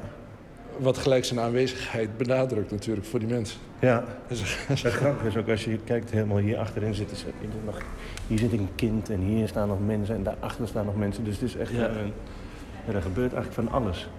Ook nog in de achtergrond. En dat vind ik heel mooi aan dit, eh, ja, aan dit familieportret. Hij is aanwezig. Aan de andere kant gaat het leven toch in zekere zin gewoon door. Ja, eh, als je fotografeert dan heb je zo'n moment van iedereen kijkt naar de camera. Maar er zijn ook soort tussenmomenten waarin er dan onderling weer gecommuniceerd wordt. En dat zijn vaak hele, ja, hele interessante beelden. En dat, dat zie je dus hier. Dat is prachtig. Ja, ja er is altijd eh, een soort contact van eh, de mensen zijn zich bewust van, van door wie ze gefotografeerd worden.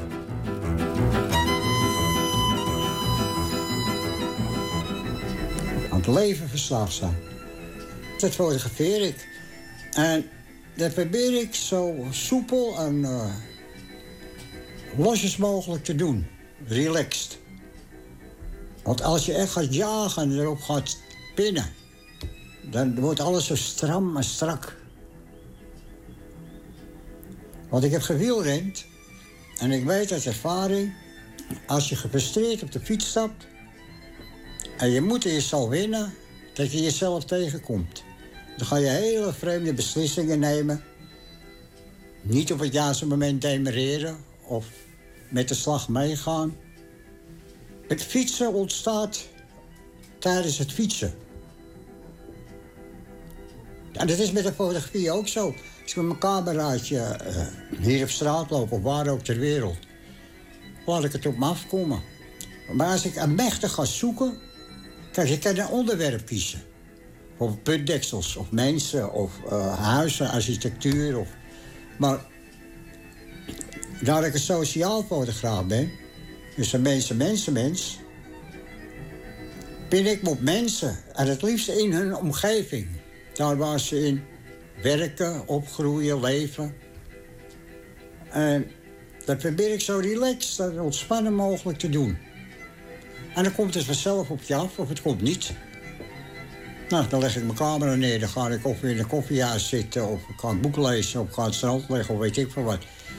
Dan laat ik het wel weer komen. Maar als je dat met een bepaalde druk doet... dat vind je terug in je werk. Dat, eh, dan wordt alles zo stram en strak en gezocht. Wat ik te gek werk vind is eh, Japan. En eh Cor is in begin jaren 60 naar Japan eh, gegaan. Dat is een soort eenmansmissie. en, ehm, ja, en toen zat hij daar. En dat vind ik eigenlijk wel mooi, want er zijn ook nu persoonlijke brieven naar boven gekomen... waarin hij heel eerlijk is naar zijn vrouw Willy... hoe die, hoe die daar eigenlijk worstelt met, met van de grond komen... met al die, die grote verwachtingen zeg maar, die, er, die er zijn. En dan hij hij heeft mij wel eens verteld over dat er gangsters achter hem aan zaten. En, en ik vond dan dit beeld zeg maar, in, in, eh, in zijn archief. En voor mij begon dat helemaal Want wat te zie je? leven. Ja, dat zijn twee mannen die... Ja, het zouden politieagenten kunnen zijn. Het kan ook Yakuza zijn, je weet het niet. Het is... eh, ja. Voelt niet pluis. Nee, het voelt... er- Inderdaad, er is iets... eh, je ziet hem ook kijken. Ook dat wezen. Ik, ja, het is een heel filmisch beeld. En dat vond ik mooi. En daar heb ik eigenlijk ook wel op ge- geselecteerd. Hoe die die reis beleeft... Dat vind ik eigenlijk veel interessanter dan uiteindelijk eh, zeg maar de onderwerpen die hij meekreeg om, eh, om er mooie reportages te maken. Maar je ziet eigenlijk zijn eigen avontuur. En dat, dat vind ik heel, eh, heel sterk. En je, en je komt dan ook eigenlijk al die onderwerpen weer tegen die, eh, waar hij iets mee had. Maar als, als ik zeg, het lijkt alsof het ook... eh, het had bij van spreken ook hier gefotografeerd kunnen zijn. Dat het... Begrijp wat ik bedoel? Dat, dat je dan ook aan deze mensen ziet... of aan de manier waarop die foto is opgebouwd... Dat het, dat het eigenlijk bijna niet uitmaakt dat het Japan is... maar dat het mensen zijn. Ja, ja. Ik bedoel, je kan het exotische zoeken als je in Japan bent... maar dat is dus niet wat hij doet. Ja, hij heeft er, er onwijs mee eh, geworsteld, maar op een gegeven moment eh, schiet hij dan toch zo een beetje de, de, de, de grimmige kanten in van, eh, van Tokio. Het nachtleven en hoertjes en pooiers en er gebeurt van alles. En, en daar gedijt hij eigenlijk heel goed. En, dan, en alles wat hij daar fotografeert is ook, ja, is ook heel interessant. Omdat dat overal hetzelfde verhaal is. En dat hij zich op zijn gemak voelt daar. eh, ja, hij, ja.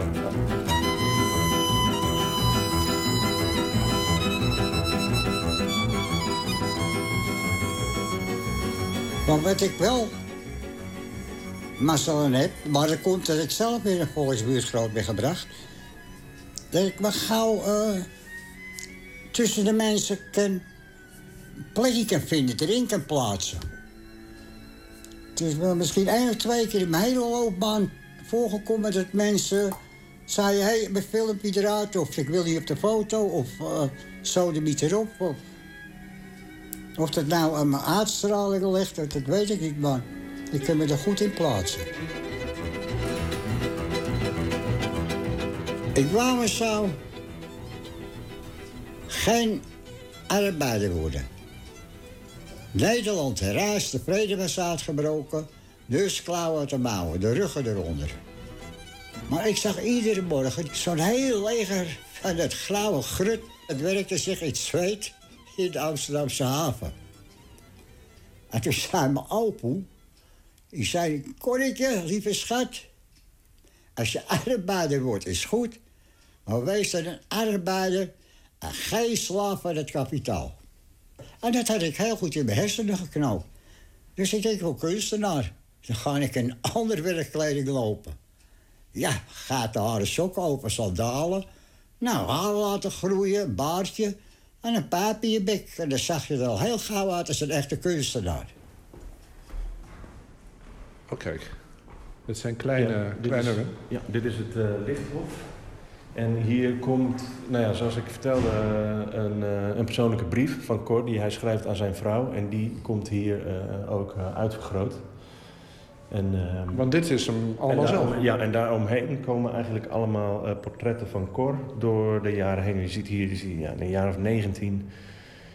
Is ook zelfportretten bij? Ja, zelfportretten. Ik las ergens over hem dat hij geen zelfportret had, maar dat klopt niet. Nee, ja, ik heb heel veel zelfportretten gevonden. Ja, ja, ja, maar dat komt allemaal uit het familiearchief. Dat zijn- zijn hele- het zijn echt is- prachtige ja, foto's. Dit is, eh, dit is uit de tijd dat Vertel Cor, eens wat je eh, ziet. Ja, je ziet hier, eh, nou ja, Cor, ik denk dat hij hier een jaar of 22 is. En heeft een, een, al- zijn snorretje is er al, zit er al. En dit is ook de periode waarin hij langs de eh, deuren kinderportretjes maakt. Maar het is een, het is een prachtige foto, want de- eh, omdat het een foto is ook over hoe hij kijkt. Hè? Ja. Ja, er zit iets... eh, Heel geconcentreerd en ja. liefdevol zin. Ja, ja, ja. Heeft ook een beetje af- afwezig en dat is mooi. Ja. Dat is mooi. Krijgen we John Lennon te zien? Nee, nee, nee, absoluut Waarom niet. niet? Nee, het is, nee. Maar dat kan toch niet? Ja, ja. Nee, dat heb ik eigenlijk bewust eh, niet gedaan, omdat ik wel een soort... Ja, ik wil wel iets nieuws eigenlijk laten zien. En vooral iets wat gaat over Cor. Dus het heet ook, ja, Cor was hier. En dat het, het gaat ook meer over, ehm, over hem. Je krijgt meer mee doordat je de, de onderwerpen ziet die hier allemaal hangen. En, en hoe, hoe dat, hoe dat eh, is gegaan, krijg je het idee dat je met hem mee op reis gaat.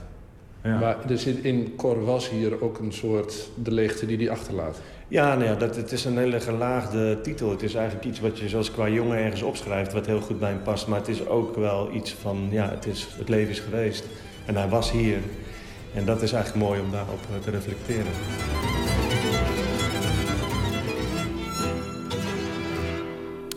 De stem van eh, Sander Troelstra, samensteller van de tentoonstelling Cor, was hier in Huis Marseille te Amsterdam. En Cor Jaring uit de documentaire die Jasper Henderson over hem maakte in 2010. Fleetwood Mac, ze zijn eh, weer in de oude formatie bij elkaar. 31 mei en 1 juni te zien in eh, de Ziggo Dome in Amsterdam. Een reunietour zou je het kunnen noemen. Een eh, prachtig nummer uit 1975, geschreven door Stevie Nicks, Landslide.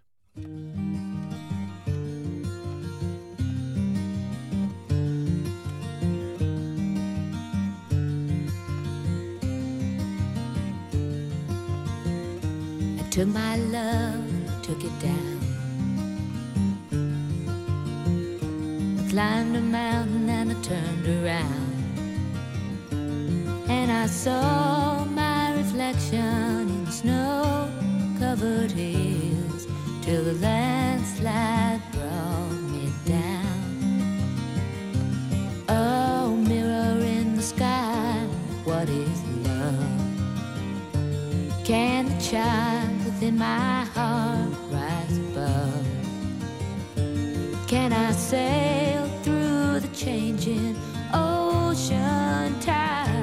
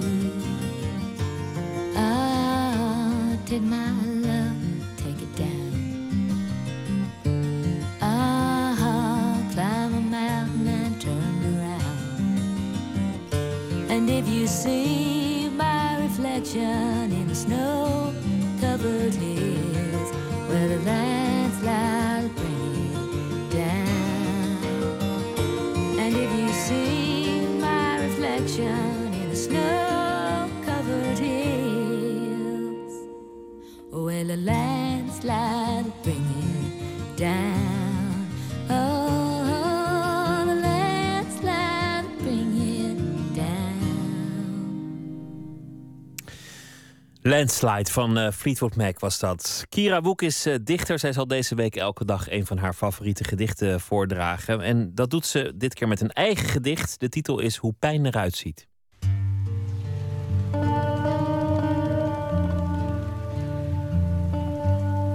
Dit is een drieluik, wat ik nu ga lezen. En die komt waarschijnlijk ook in mijn tweede dichtbundel. Hoe pijn eruit ziet.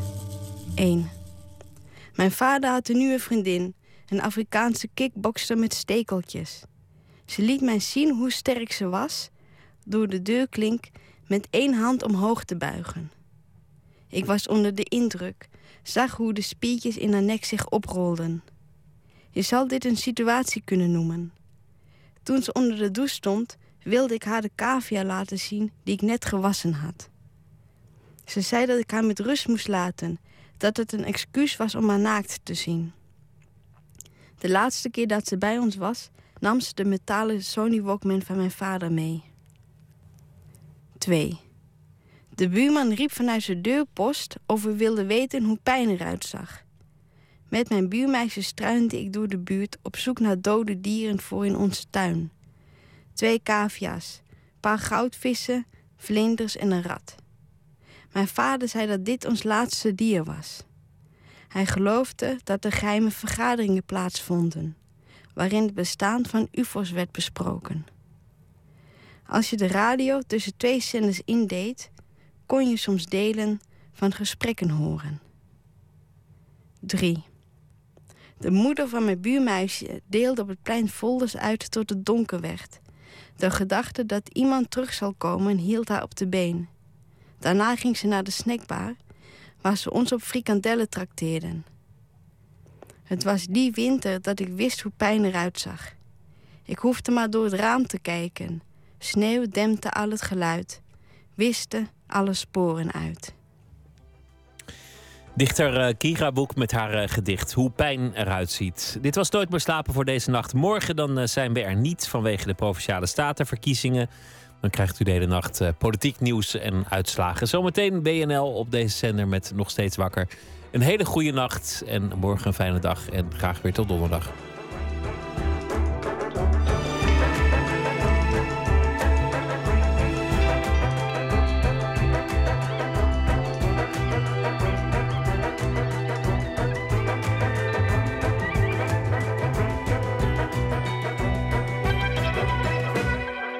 Radio 1, het nieuws van alle kanten.